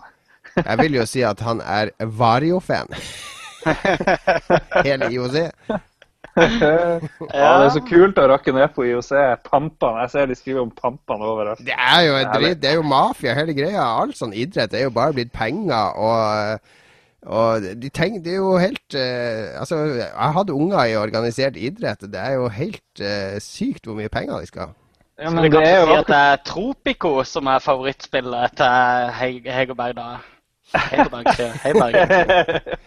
ja, men, egen er jo, men hvorfor skulle ikke OL være om penger? NBA og NHL og uh, Tippeligaen, alt handler jo om penger. Hvorfor skal Ja, liksom OL ikke være om ikke penger? jeg sport, fordi det er jo ikke noe Altså, entusiasmen forsvinner jo når det blir så mye Mye som overskygger alt, føler jeg, da. Ja, men jeg, jeg forstår fint at eh, Jeg er for så vidt enig med Lars. Det er jo et, det er greit at det er penger med i spillet her, men eh, det, det handler om balanse, da. Ikke sant? Alt er måte. Og når den pengegreia overskygger absolutt alt annet, og du ikke lenger engang klarer å lure deg sjøl til å tro at, det, at de vektlegger noe som helst av den der sportsånden, da er det for mye, syns jeg. Jo, men de ødelegger jo så mye. Og så Se på snowboard, ikke sant, som sto på utsida av OL Ja. og sånn i alle år. Det var dritkult å følge med på da. Altså, med en gang de kom inn i OL, så skulle det bli så stuerent og ordentlig, og de skulle rette opp i ting og fikse opp. Ja, nå er det det- Ja, men du har jo det fremdeles X Games og sånn. Du har, du har jo X Games og sånn ennå. Det er jo ikke, det er jo ikke, snowboard er ikke ødelagt, det er bare helt uinteressant i OL-sammenheng. Eller nesten helt Nettopp. uinteressant. Nettopp. Jo, jo, men- Ja, men, Men så eh, har du men eh, Hvorfor er snowboard blitt uinteressant? om Du så jo ikke mye på snowboard før heller. Du klarer ikke å lure meg. Jeg er jo ikke sportsinteressert i utgangspunktet, men jeg, Jeg leste den der, eh, den ranten til Terje Håkonsen om årets OL. Han hadde et godt poeng der som jeg beit meg litt fast i. og Det var at eh, i OL så trener de mye mer opp til et spesifikt sett med triks da, som de vet de får mye poeng på. Eh, ettersom du, du blir ikke Du får ikke Du blir liksom ikke belønna for å uttrykke deg eller ikke sant, og sette ditt fingeravtrykk på runnet ditt. da. Men, men det gjør du faktisk i de der merkelige, eh, smale eh, konkurransene som de har for seg sjøl. De smale X Games-konkurransene. Nei, Arctic Challenge og sånn som dette her, da. ikke sant? Og, der, eh, og for mange av de der eh, hardcore-kjørerne, så, så er det vel det som er en viktig del av det. da, At det skal være litt personlig. Og det er bedre det enn at alle prøver på det samme trikset. Og det gjorde de jo i år. Det var jo den der eh, Jeg husker ikke hva det het engang. Triple corkscrew eller et eller annet sånt. Triks som ikke eksisterte da jeg var kid. men, men alle gikk for det trikset at det var det som telte i år. Det var det som Landa du det, fikk du masse poeng. Ja, men han som vant slopestyle, han gjorde jo litt unike triks. Han drev Ja, og grabba riktig. med handa nedover den der railen og sånt. Og det var ingen andre som gjorde. De visste ikke navnet. det var ikke det her Jostein spurte om, gutter. Så, Det var du som kan- begynte med snowboard, Jon. Jo, ja, men vi kan diskutere de her eh, OL er jo eh, Det, det er all den korrupsjonen og alle de pengene og alt det der drittet som følger med seg i kjølvannet av det. Alt det ideelle er blitt borte. Se på når han Heiberg ble konfrontert med de sponsorene. ikke sant? Hva er de offisielle OL-sponsorene? Det er Coca-Cola og McDonald's Ja. og sånne ting. Bare, ja, hvordan Har dere ikke noe sånn der eh, Hvorfor skal dere ha sånne usunne merkevarer som OL-sponsorer? Nei, så lenge de følger OL-charteret, så var det greit. De hadde f.eks. ikke rene sjokolader. Nei, med sukker i. Så, ja, så sjokolader med sukker i. Å, å, ja, å, ja. Og Og de hadde vært med å eh, påvirke Coca-Cola til å lage lettbrus. ja, og, og eh, for, for ikke å glemme Altså, Hvor full av seg sjøl går det an å bli? Det virker jo bare som folk som totalt ikke har bakkekontakt og kan gjøre akkurat hva de vil, når de vil og som de vil. Og det, Alle de valgene deres er jo gjennomsyra av korrupsjon. og nei, Jeg syns det er forkastelig. Men Heiberg kunne også røpe at uh, han holdt seg til det sunne frokostkonseptet til McDonald's, når, han, når han spiste der. Dette var jo et konsept som, som uh, IOC hadde vært med å innføre. Akkurat som? Gerhard, Gerhard Heiberg, eh, Jostein, Gerhard Heiberg er stor fan av den nye Dungeon Keeper fra EA. Det er hans favorittspill for tida. Hvis de hadde, hvis de hadde kunnet microtransaction uh, i, uh, Hvis de kunne innføre det i OL, så hadde de gjort det for lengst. Jeg tror vi sier det. Uh, Lars, hvis du ser under det andre Jostein-spørsmålet der, så har vi fått en litt lang mail fra han Øyvind Hatleskog. Ja, skal vi se. Men før jeg spør deg, jeg må bare si vi har jo alienata eller gjort uvenner med alle nerder i Norge. Da vi hater på McDonald's og Cola. Men det er nå greit. Skal vi se. Tar, ok, eh, neste spørsmål. Tar, meg ofte, tar ofte meg selv i å slutte med et spill gjerne rundt halvveis, for så å gå videre til nye fristelser. Flere måneder senere vender jeg gjerne tilbake til spillet bare for å oppdage at jeg har glemt mer mer eller mindre alt av historie og finere detaljer av Kjenner meg igjen. Ja. Alternativet blir da å starte på nytt eller legge det vekk på ubestemt tid. Jeg vil jo si, Det her høres ut som bøker jeg driver og leser. Uh, mitt prakteksemplar er Persona 4, et spill jeg digga mens jeg spilte det, men som jeg har tre ulike saves på uh, 10-20 10-20 timer ut i spillet. Ja vel. Hvem var det som sendte inn det her, Jon? Nå Nå kommer spørsmålet. Det er Eivind Hatleskog eh, som sender meg mail. Jeg syns det var mye interessant å diskutere der, da. Ja, Så selve spørsmålet. Bør det være spillets fulle ansvar å holde interessen til spilleren gjennom hele opplevelsen? Nei. Eller ligger også noe av ansvaret på spilleren? Ja. Det er som putt inn svaret. Mangler vi, mangler vi spillere dannelse og respekt overfor spillmediumet hvis vi bruker spill slik som Rune Rudberg bruker middelaldrende groupies på Seljord dansefestival og tar den blå dildoen i rumpa? Det siste skrevet. Ja, det la her. til. Ja vel. Ja, Interessant, interessant spørsmål av Øyvind Hatleskog. svaret er ja. Svaret er ja, nei, ja, ja. Ja, altså Jeg kjenner meg jo igjen, men det er også mange moderne eh, rollespill og sånn. De gir deg en sånn oppsummering når du fortsetter saven din og øh, dytte deg i riktig retning og oppdatere deg med hva du holder på med, og har gjerne sånn loggbok og sånn så du kan sjekke hvis du har vært borte noen uker. Så jeg vil jo si at det har blitt bedre enn det var før i tida, hvis du var borte en måned og kom tilbake. Men jeg syns også litt sånn kompliserte actionspill kan være vanskelig å legge fra seg en uke. For når jeg kommer tilbake, så husker jeg ikke alle de der uh, knappekomboer og Ja, Det er jo enda verre på sånne spillserier som Call of Duty, hvor de tror at du husker alle de teite plot twists i Call of Duty Black Ops 1, og så skal du huske det som skjedde i Call of Duty Black Ops 2. Og sånne russiske terrorister, atomvåpen og satellitter og alt det der teite navnene Makarov og Kamarov og hva det ikke heter. Fader heller. Det er, jo, det er jo fordi de ikke lager en god nok historie. Det er jo litt av grunnen, vil jeg si. Jeg tror Cold Duty-spilleren er vel den eneste serien der hodet, hele hjernen min går bare i sånn der eh, pausemodus. Akkurat som på sånne reklamepauser. Når det står i å sjekke Twitter og Facebook-modus. Ja, ja, jeg er helt uinteressert. Jeg bare, ja, bare si hvem jeg skal skyte. Det er dritgøy, men ikke noe mer enn det, liksom. Jeg gjorde det. Jeg driver og spiller nye Castlevania nå, og det har ekstremt lange cutscenes med mye sånn gotisk posering og dramatisk dialog. Og hver gang det kommer en sånn, så tar jeg opp mobilen og skal sjekke Twitter. Men så var jeg liksom akkurat ferdig med en kamp, og så tar jeg opp mobilen. Yes, nå skal de prate i ti minutter. Og så begynner jeg å scrolle på mobilen, og så var det sånn her, lite sånn aftermath i den kampen der jeg måtte trykke veldig fort på X fordi han kom seg opp i siste sekund. Når jeg trodde han var død, og så daua jeg, da. Da ble jeg litt, det var litt sånn, Kanskje de la det inn som en sånn straff for de av oss som ikke følger med i cutscenes. Eh, Men sånn som, jeg har nesten runda Darksiders, f.eks. Et spill jeg likte kjempegodt. Ja, det var Men kult. Men jeg bare å gå tilbake til det nå er helt meningsløst. Jeg husker ikke kontrollene, jeg husker ikke hva som har skjedd i storyen og sånn. Men, kom, men husker du, var det ikke Alan Wake som gjorde det at eh, når du loada inn senga di, så kom det 'Previously on Alan Wake'? Og så Yes. viste det noen sånne highlights fra det du hadde gjort. Jo, jo. Det var kjempesmart. De Telltale-spillerne gjør også det. De oppsummerer litt hva som har skjedd siden sist. Ja, sånn men Det må de jo de episodebaserte eh, nesten gjøre, fordi når det går en måned eller to mellom episodene. Men det, Jo, men de gjør det i savesene dine. I savesene dine så gjør de det i Seven Max uh, sesong to, tror jeg det. Ja, Begynte de med det. Uh. At du kan gå inn på saven og bare se hva som har skjedd uh, nylig. da. Og hva du Current objectives og sånn.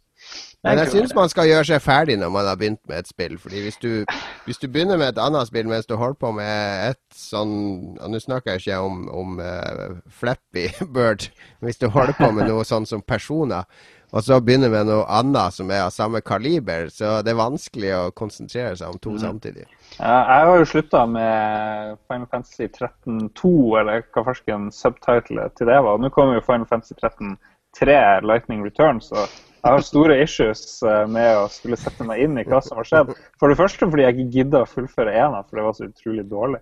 Men så likte jeg to av det og klarte å lese meg opp på ena, men nå har jeg glemt alt igjen. Så jeg lurer veldig på hva jeg skal gjøre eh, for å liksom klare å fikse det. For det sto vel i mailen vi fikk fra, fra André Persson. André, at du burde liksom ha litt peiling på hva som har skjedd i de forrige spillene. Og det er ikke et godt tegn. Det er ikke et godt tegn. Nei. Nei. Jeg hadde litt sånn med Mass Effect 3. da. Det måtte jeg plukke opp igjen. Det hadde jeg spilt sånn halvveis. Og plukka det opp igjen. Og da bare starta jeg helt på nytt med en helt ny karakter. Og, og, spilte det fra scratch, for det var umulig å huske hva som hadde skjedd. Men det lønte seg. Det tar kortere tid å spille igjennom andre gang. og Du får friska opp litt skills og sånn. Ja. Nei, men uh, jeg syns alle spill bør gjøre sånn som uh, Alan Wake eller hva det var. Hva kommer det av at vi, noen spill husker vi ingenting av, mens andre F.eks. Last of Us. Jeg hadde ikke hatt noe problem med å plukke opp en toer til Last of Us i morgen. For jeg husker nesten alt av historien og mm. det som skjedde i eneren. Det skal jeg si deg, det har med god historiefortelling å gjøre. Dårlige historiefortellere gjør sånn som Mammon på TV 2. Ja. Og lager en Nei, NRK, NRK. handling som er ja, som er altfor komplisert for å skjule at her vet vi egentlig ikke hva vi gjør. Og så har du den der Broadchurch på eh, BBC, ja. som er mye enklere. og de, liksom, de trenger ikke kaste inn absolutt alle mulige rare moment for å holde deg interessert.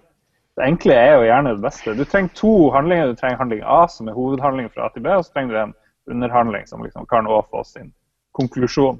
Eh, det lærte jeg da jeg hørte på en eh, podkast som heter 84 Play som er utrolig bra.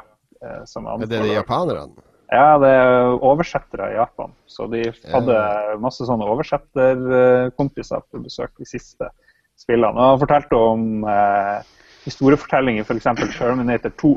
Hvis Terminator 2 var et japansk eh, rollespill, så ville eh, Terminator 2 slutta med at eh, han, Arnold Schwarzenegger sankes ned i lavaen og roper 'No, John, no!' Og så ville det liksom vært ferdig. Men i stedet så drar de frem den derre Now I know what it feels like to cry, eller et eller annet sånt, sier han. ikke sant? En litt sånn sub-greie. Sub så ha to handlinger, og så er du godt på vei. I stedet for å ha syv, som i det der eh, mammon-greia. Jeg syns Sopranos slapp unna med mange storylines som foregikk på likt. Og det, Eller Wire, da, som er mer Jon Cato-land. Uh, der òg har du jo en million historier som foregår på likt. må, men det krever at du er dedikert. Da. Og det samme er det med noen spill. Det krever at du, at du spiller de intensivt, og at ikke du tar deg eh, tre ukers pauser.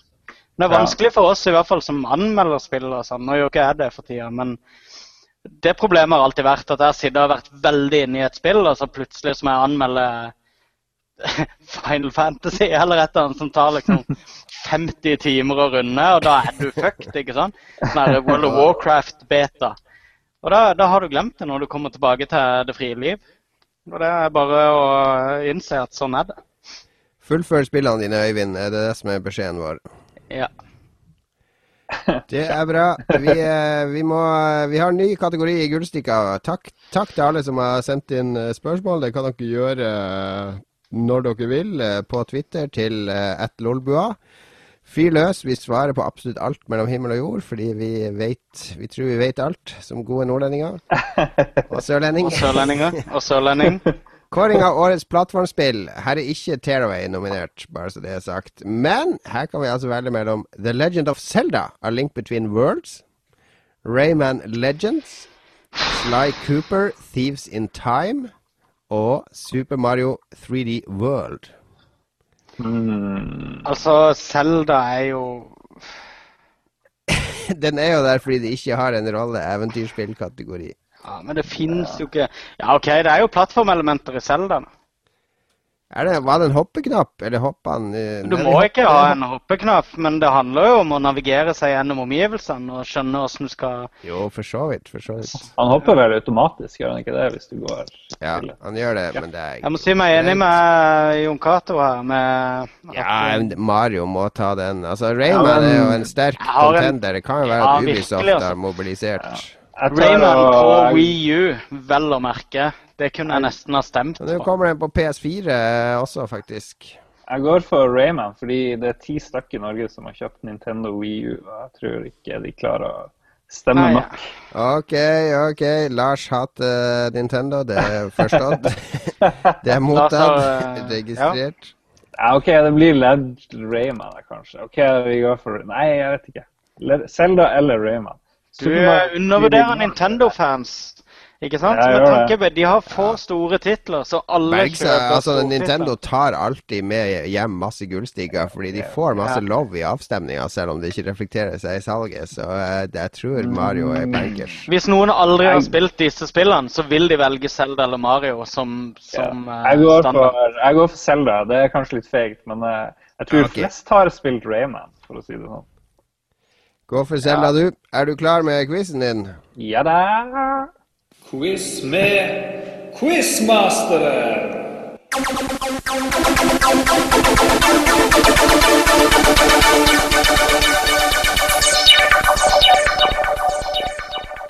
Velkommen til eh, quiz med quizmasteren. Og selvfølgelig bør det hete quiz med quizmasterne, hvis det er det som er flertallsbøyninga der. Eh, Vi må logge oss inn på Facebook alle sammen, for nå skal vi ha eh, award eh, quiz de luxe. Der er Magnus på min eh, skjerm. Ja, men vi kan ikke ha det på LOL-chat, LOLchat, hva? Nei, dere må Ja, nei, det kan vi ikke. Du, vi må bort fra LOL-chat. Må ha en egen en. Ja, OK. LOL klar. Spørsmål nummer én. Hvilket spill vant pris for beste spill under Nordic Game Awards 2013? Eh, skal vi se Det var flere heftige titler nominert. Jeg kan jo egentlig lese dem opp. Det var Angry Birds Star Wars, Hotline Miami, Clash of Clans og Hitman Absolution. Hva tror dere vant der? Kan du si det en gang til? Det var Hitman Absolution, Angry Birds Star Wars, Hotline Miami og Clash of Clans. Jeg visste ikke at Clash of Clans var et eh, nordisk spill, Det er men finsk. eh, Fra Finland. det er bra. Og logisk nok så svarte begge to hva dere svarte. Hotline Miami. Hotline Miami. Vinneren var Hitman Absolution. Åh, de er gale. Hva, hva ga du eh, Hitman? eh, Cato? Jeg ga det terningkast to. For det. Men eh, for, til informasjon så sitter jeg i juryen til Nordic Game i år, så det kommer ikke til å bli noen Hitman-vinner i år, skal jeg garantere. Jeg skrev en ytterst laber preview på det spillet, jeg husker jeg. Ja, Eh, det var jo helt greit, det spillet, men ja. Ja, det var ordinært. Ja. Hvordan kunne Hotline Miami ikke vinne det, da? Det Det er absurd. Uh, spørsmål nummer to. Hvilket spill var det første som hadde en sang som vant Grammy-pris? Der har vi absolutt ingen, uh, ingen alternativ, men jeg kan si at sangen het Baba Yetu. Og han som lagde den, var Christopher Tin. Jeg har svart. Jeg vet dette. Jo. Dette har vi hatt som spørsmål på quizen vår. Å ja. Ja. ja. Jeg ser Jon er inne på noe her. Ba- Inne på den. jeg kan jo ikke røpe. Du kan røpe. uh, herregud, hvorfor husker jeg ikke det? Det er et spill som har mye med Nei, nei, nei, jeg trenger ikke noe. OK, OK, OK. Ja. Nei, nei, nei, nå var du i gang med noe! OK. Hva du svarer, Magnus? Kom igjen. Ah, um, jo, uh, jeg vet det. Å ja. Nei, det er feil. Skal Er det det? Hva du sa, hva du skrev, Magnus? Jeg skrev Journey. Ja, de har vel vunnet, dem òg, men de som først vant, var i Jeg glemte å skrive hvilket år det var, men det var vel i 2008, tror jeg. Og hva det var, Jon? Siv 4. Det stemmer Ja. på en prikk. Jeg trodde det var fjorårets, men eh, jeg skal ikke si at jeg hadde klart noe annet enn Journey likevel. Ja, nei, men jeg tror Mantica Bra quiz! Bra quiz. Takk, takk. quiz så langt. Hva er mer spørsmål? Spørsmål nummer tre. Hvilket år var første gullstikka-utdeling? Altså året utdelinga fant sted, eller hvilket år den, Den eh, spillene som vant, var fra? Eh, Hva er rett? Hvilket år, hvordan år eh, ble den delt eh, Hvilket år gjaldt den, da? For fuck's sake. Det gjelder for året før. Altså, Gullstikka Det er først i år de har kalt uh, Gullstikka I år så heter det Gullstikka 2014. I fjor så het det Gullstikka 2012. Nettopp. Så det blir et stort hull på Wikipedia. det blir det. Ja, OK. Og Magnus, hva du mener det gjaldt for det første? Uh, uh, det gjaldt for Ah, fuck. Jeg tror jeg bomma der, altså. Jeg tror det, ja, det gjaldt for det. OK, du sier 2003. Uh, Jon, hva du sier 2002. Ja. Og Jon fikk rett. Tingen er 2004, det var da jeg begynte å jobbe i Spiderman. Det Da hadde jeg allerede vært der en gang. Så det burde jeg visst. Så spillene gjaldt 2002, men den het Gullstikka 2003. Det var jo spennende. Ja, det gjorde det. Ja, jo. Ja. Nei, hvis han hette, hvis han hette Ja, ok, Gullstikka 2003, så var det i 2004. Nja, nja. OK, da må vi ta en kjapp sjekk dette her, hva er dette her for en quiz? Eh, Her er det bare å Altså, Gullstiga feira ti år i fjor. Skal vi se. Gullstikka 2002 ble arrangert i 2003, og var første gang Gullstikka-utdelingen ble Ja, nettopp. Ja, det er det 2002. Jon Jeg sa jo 2003! Ja, men det var Ja, men det året det gjaldt i 2003, var 2002. Det skrev jeg jo! Jeg skrev først 2003, så sa han ja, og hvilket år gjaldt det for? Så skrev jeg 2002. Ja, men så skrev du 2003 på slutten, så det var jo feil. Du svarte jo feil. Nei, for det var i 2003 som var det riktige Gi han jo rett, da, I all vi kommer verden. videre. Her, vet du. OK, OK, OK. Jeg syns du må Nordlending fyre bias. Det er greit. Det er greit. OK, du klarte å gråte deg til selv om det står svart på hvitt. her. Jeg skal Stemme ta frem sine egne. Ja, nå har jeg tatt screenshot av din fomling. Skal vi se. Spørsmål nummer fire. Hva ble årets konsollspill i 2002, altså Gullstikka 2003? Du skal ikke få alternativene her. Var det Halo Combat Evolved? Var det Ico? Var det Ratchet og Clank? Eller var det Tom Clancy's Splinter Cell? Det var noen bra alternativ her, da. Det må jeg si. Ja, det var gull, gull alder. Uh... Halo, Ico, Ratchet Clank eller Tom Clancy. Splinter Cell. Og vi har svar. Hva sier du, Jon? Eh, Splinter Cell. Og hva sier Magnus? Halo. Det, den moralske vinneren her er Magnus, men svaret var Tom Clancy Splinter Cell. Store. Knust! Knust! Ok, vi tar kjapt siste spørsmål her. Hvilket spill ble kåra til årets actionspill i uh, Gullstikka 2004? Var det Call of Duty, Metroid Prime, Prince of Persia, The Sands of Time eller Soul Calibur 2? Call of Duty, Metroid Prime, Prince of Persia, Sands of Time eller Soul Calibur DOS? Og Jon har svart. Og Jeg husker ikke hvordan avstemninga funka det året. Det var jury. Jury, da. Var det jury? Ja, det er litt juks her. jeg satt i den juryen. Så. Ja. Ok, eh, Magnus, du svarte først. Call of Duty, så svarte du. Metroid Prime når jeg fikk vite det var juryen. Ok, Men hva svarte juryen, Jan? Prince of Persia. det stemmer. 4-1 er stillinga der. Tusen takk. Gratulerer til vinneren. Eh, det var kun pga. nordnorsk bias. No, ja, det var rein giveaway.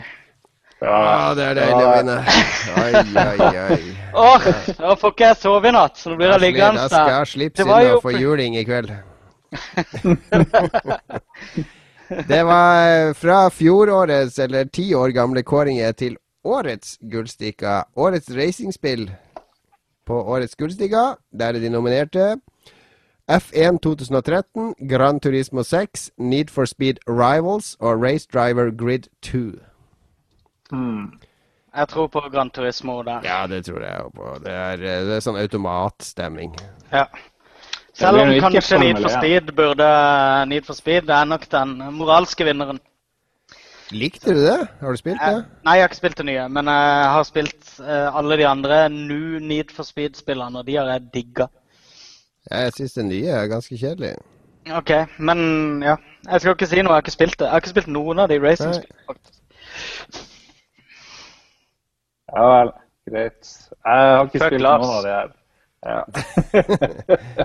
Det var Har snakk ikke spilt om noen av de. Du har jo spilt masse Gran Turismo, du. Jo, jo da, men uh, det var jo ikke så veldig gøy. Sånn, ja. Altså, min favoritt av alle de der, det er Race Driver Grid 2. Jeg, jeg digga Det første Grid var fantastisk. Grid 2 er ikke like bra, men det er Arkade Det er det nærmeste vi kommer en moderne Ridge Racer. Sånn lettspilt og, og moro racing. Så uh, Need for Speed er blitt altfor mye fjås og tull og biljakter og actionpoeng og penger og poeng og multipliers. Og jeg blir får bare vondt i hodet av å kjøre rundt der. Det, det, er så, det er så mye å holde styr på. Hør på den gamle mannen, da. Nei, takke meg til realisme og, og bare kjøre litt rundt. Jeg Jeg vil at bilspillene mine skal være som bilreklamene. De skal være urealistiske og utenomjordiske. De skal ikke være Jeg kjører jo bil hver dag. Jeg hater jo å, å kjøre bil. Så. Det er, det er innstillinga til bilspill. Ja, jeg vil at det skal være eh, Det skal Det være, skal være rela- fantasi, relatert. det skal ikke være virkelighet. da, For fuck's sake. Ja, men når er Need for Speed uh, virkeligheten, da? Race Driver Grid er jo det mest realistiske av det, er det ikke det? Nei, det er ikke realistisk i det hele tatt. Det er jo ren fantasi. Ja, Need for Speed er jo ikke virkelighet, men de, de forkludrer den der rene arkadefølelsen ved å legge til så mye elementer. Altså, det, det er så mye mas hele tida. Du må Ja. prøve det, Magnus, så skjønner du Ja, jeg må prøve det. Jeg har det liggende her i plastikk, så det, det Ja, prøv det. på- Du har det bytteverdien er forsvunnet nå for den plastikken som du har tatt vare på, så det har sikkert gått ned i pris allerede. Nei, nei, Så det er er samleverdi. Jeg skal selge det om 20 år på eBay. Oh. Er dere klar for noe breaking news her, eh, bare kjapt? Ja. Uh, Assassin's Creed Black Flag har solgt 10 millioner. Er vi overraska? Nja, kanskje. Det er jo bra, da. Det er jo bra. Uh, The Division likely delayed to 2015. Ubisoft chooses not to confirm 2014. Det er vel heller ikke så big news, tror jeg. Det har jo ikke vært 2014 ever, har det det? Jo, Ja, jo, jeg tror jo da, det, det var Q3 Men 2000. det var jo sånn news eh, for flere uker siden der de eh, svenskene som lagde spillet sa hæ, 2014? Det, det har vi aldri sagt. Det, Nei, men det var det de år. sa i den der uh, investor... Hva er det for noe? eh, Investor callen, eller hva det heter for noe, når de snakker med investorene sine. Da sa de at det var flytta til tre, Q3, og at uh, uh, Hva heter det andre? Det der mobiltelefonspillet. Eh, det er eh, Matrix à la Ubisoft. Mm, Watchdogs. Herregud. Watch Dogs. Ja, Watchdogs, ja. Uh, Watchdogs var satt til Q2, var det ikke det? Og så uh, Jeg hadde i hvert fall Division på min Most Wanted eh, i 2014-liste. Ja. Et av de spillene. Ja. ja vel. Ja ja, det kommer når det kommer. Det beste er at de tar seg god tid og sørger ja, for at det virker fikser alle virker. og bugsene så det, så at det kan komme en dag én-patch på to gig. Og dag én DLC. Neste kategori er årets norske spill. Det er spennende, da, for der har vi jo Savant Ascent fra um, Deephead Studio. Og så har vi Teslagrad, der vi vel eh, har hatt en gjest. Ars, Aslak, var det det? Helgesen? Eh, kanskje. Ja, ja, beklager. Han heter Mener jeg. Eh, kjempekult plattformspill. Entropy, det er jo det Artplant-spillet som er gitt ut på eh, Early Access på Steam. Og Game Tracer, som er eh, sånn plattformspill, eh, creator-verktøy til iPad fra eh, Rock Pocket. Altså, vi, vi snakka om det der med Early Access sist. Og eh, selv om jeg syns det er greit å liksom begynne å omsette spillene før de er ferdige, er det greit at de vinner priser som Det er litt vanskelig, for vil du ikke egentlig ha den prisen når spillet er lansert? Jo, det er det jeg mener. altså, De, de nominerer jo ikke. Eh, eh, De kan ikke nomineres neste år. Fordi, for to år siden i Julestika, da da hadde vi mange norske spillpriser. Jeg tror vi hadde fire eller fem vi fikk pressa gjennom sammen med Produsentforeninga, som samarbeida da. Og da sendte de oss lista over spill som skulle nomineres. Og da hadde de sendt inn sånn spill som Oldboy og sånn, så de måtte, eh, skulle nominere som årets nykommer. Oldboy. Oldboy, altså ja, det Oldboy, Deepad ja. Studio-spillet som fortsatt ikke er utgitt. Hvorfor er ikke det kommet ut? Det er jo helt sykt. Ja, de, de, er, de er antagelig litt perfeksjonister, tenker jeg. Og det er greit nok det, så lenge de har tid og kapasitet til å finpusse på det, så bare gjør det. og det ut Men eh, poenget mitt var jo da at hvis vi da skulle nominere Oldboy til årets nykommer for Gullstiga 2010 det, Du må jo vente til spillet er gitt ut før det kan vinne årets ja, du, nykommer. er, du er så gammeldags, Jon. Det er typisk. Ja, Ja, ja. men Alternativet er jo at eh, Eller et mulig scenario er jo at de eh, bygger ut spillet til at det blir noe helt sinnssvakt neste år. da. Og så har det liksom ikke sjanse til, til noen priser neste år fordi at eh, en uferdig liksom sånn her konstruksjons- eh, eller under construction-versjon ble nominert året før. Jo, men det, det letteste er jo bare å oppdatere prisene man deler ut. Altså årets Early Access og årets Kickstarter. Ja, ja, helt Men det er jo ikke det i år, da. Nei, nei, men det, Gullstiga kommer jo ikke til å Du kan ikke ha noe årets early access. Det går ikke an. Det sier seg sjøl. Nei, jeg, jeg mener Men hva, hva velger vi av de spillene her, da? Vi har et Early Access-spill her å forholde oss til. Jeg har ikke spilt Entropy, det har jeg ikke. Men det her er via Game Reactor, og Game Reactor har mye Tesla-grad-love. Jeg vet ikke om du har merka det, men jeg tror de i redaksjonen der er veldig glad i Tesla-grad.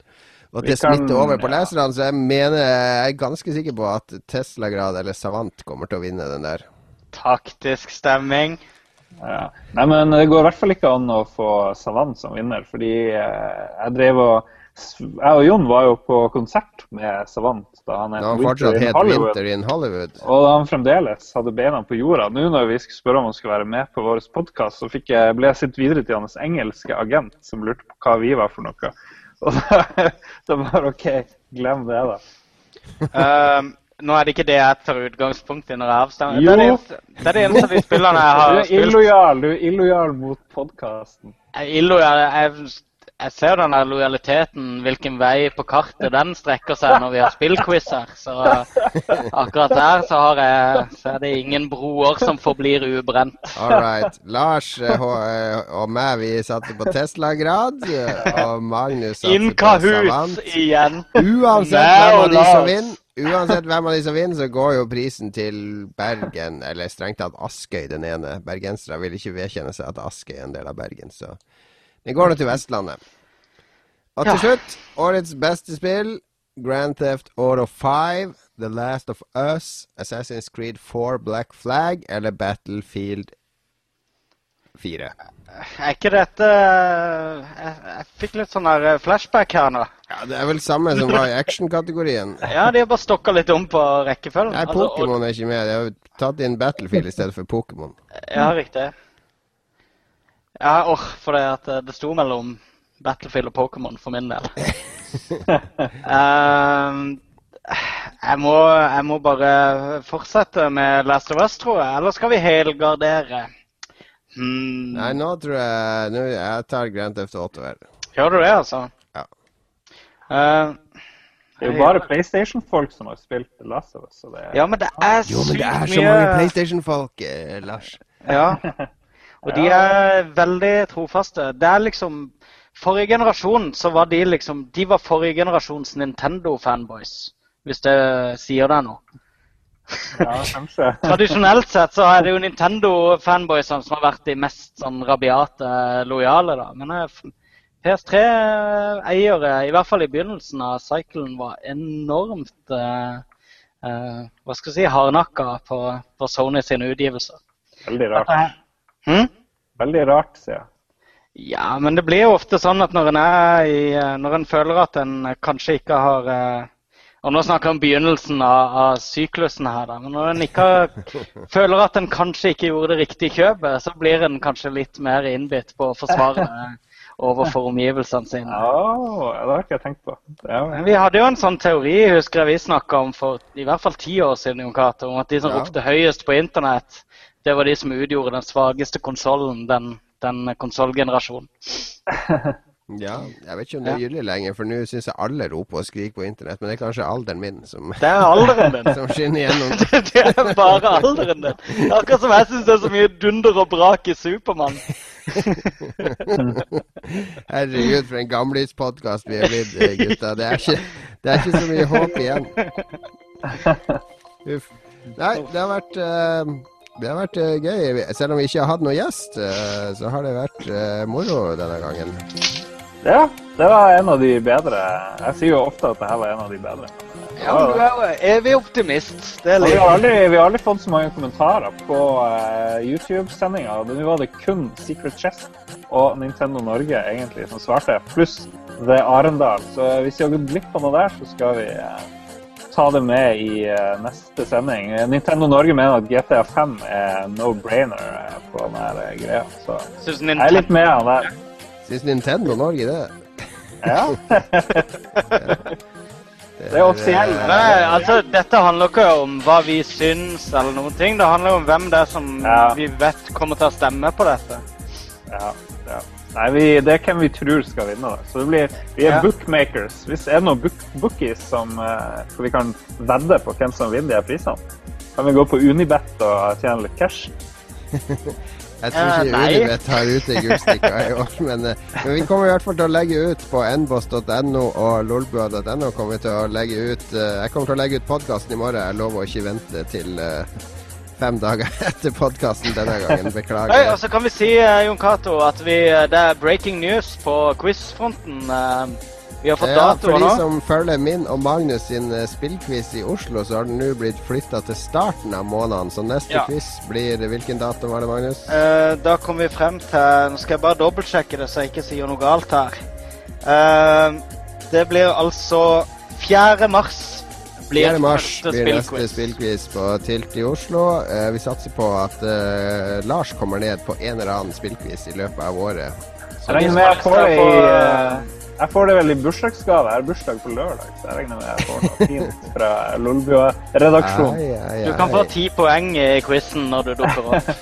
um, de som har lyst til å få mer informasjon om quizen, kan finne oss på Spillquiz på Facebook. Spillquiz med Ja. Gå til lolbua.no eller nboss.no for mer lolbua-stoff.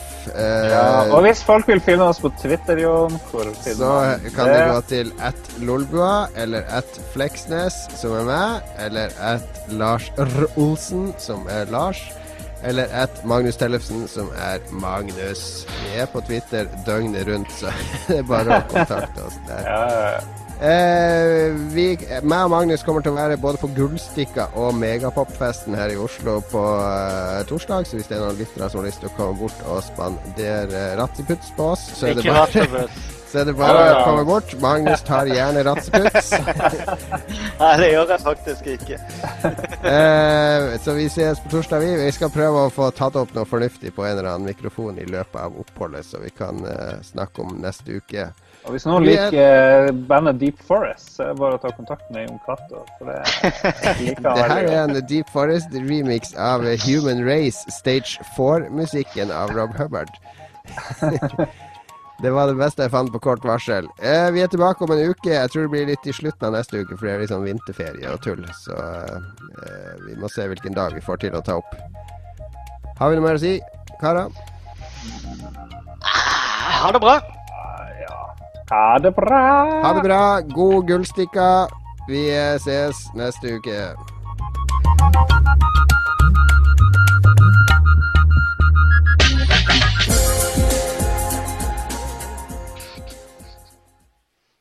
Har du et enkeltpersonforetak eller en liten bedrift? Da er du sikkert lei av å høre meg snakke om hvor enkelt det er med kvitteringer og bilag i fiken, så vi eh, gir oss her, vi. Fordi vi liker enkelt. Fiken superenkelt regnskap.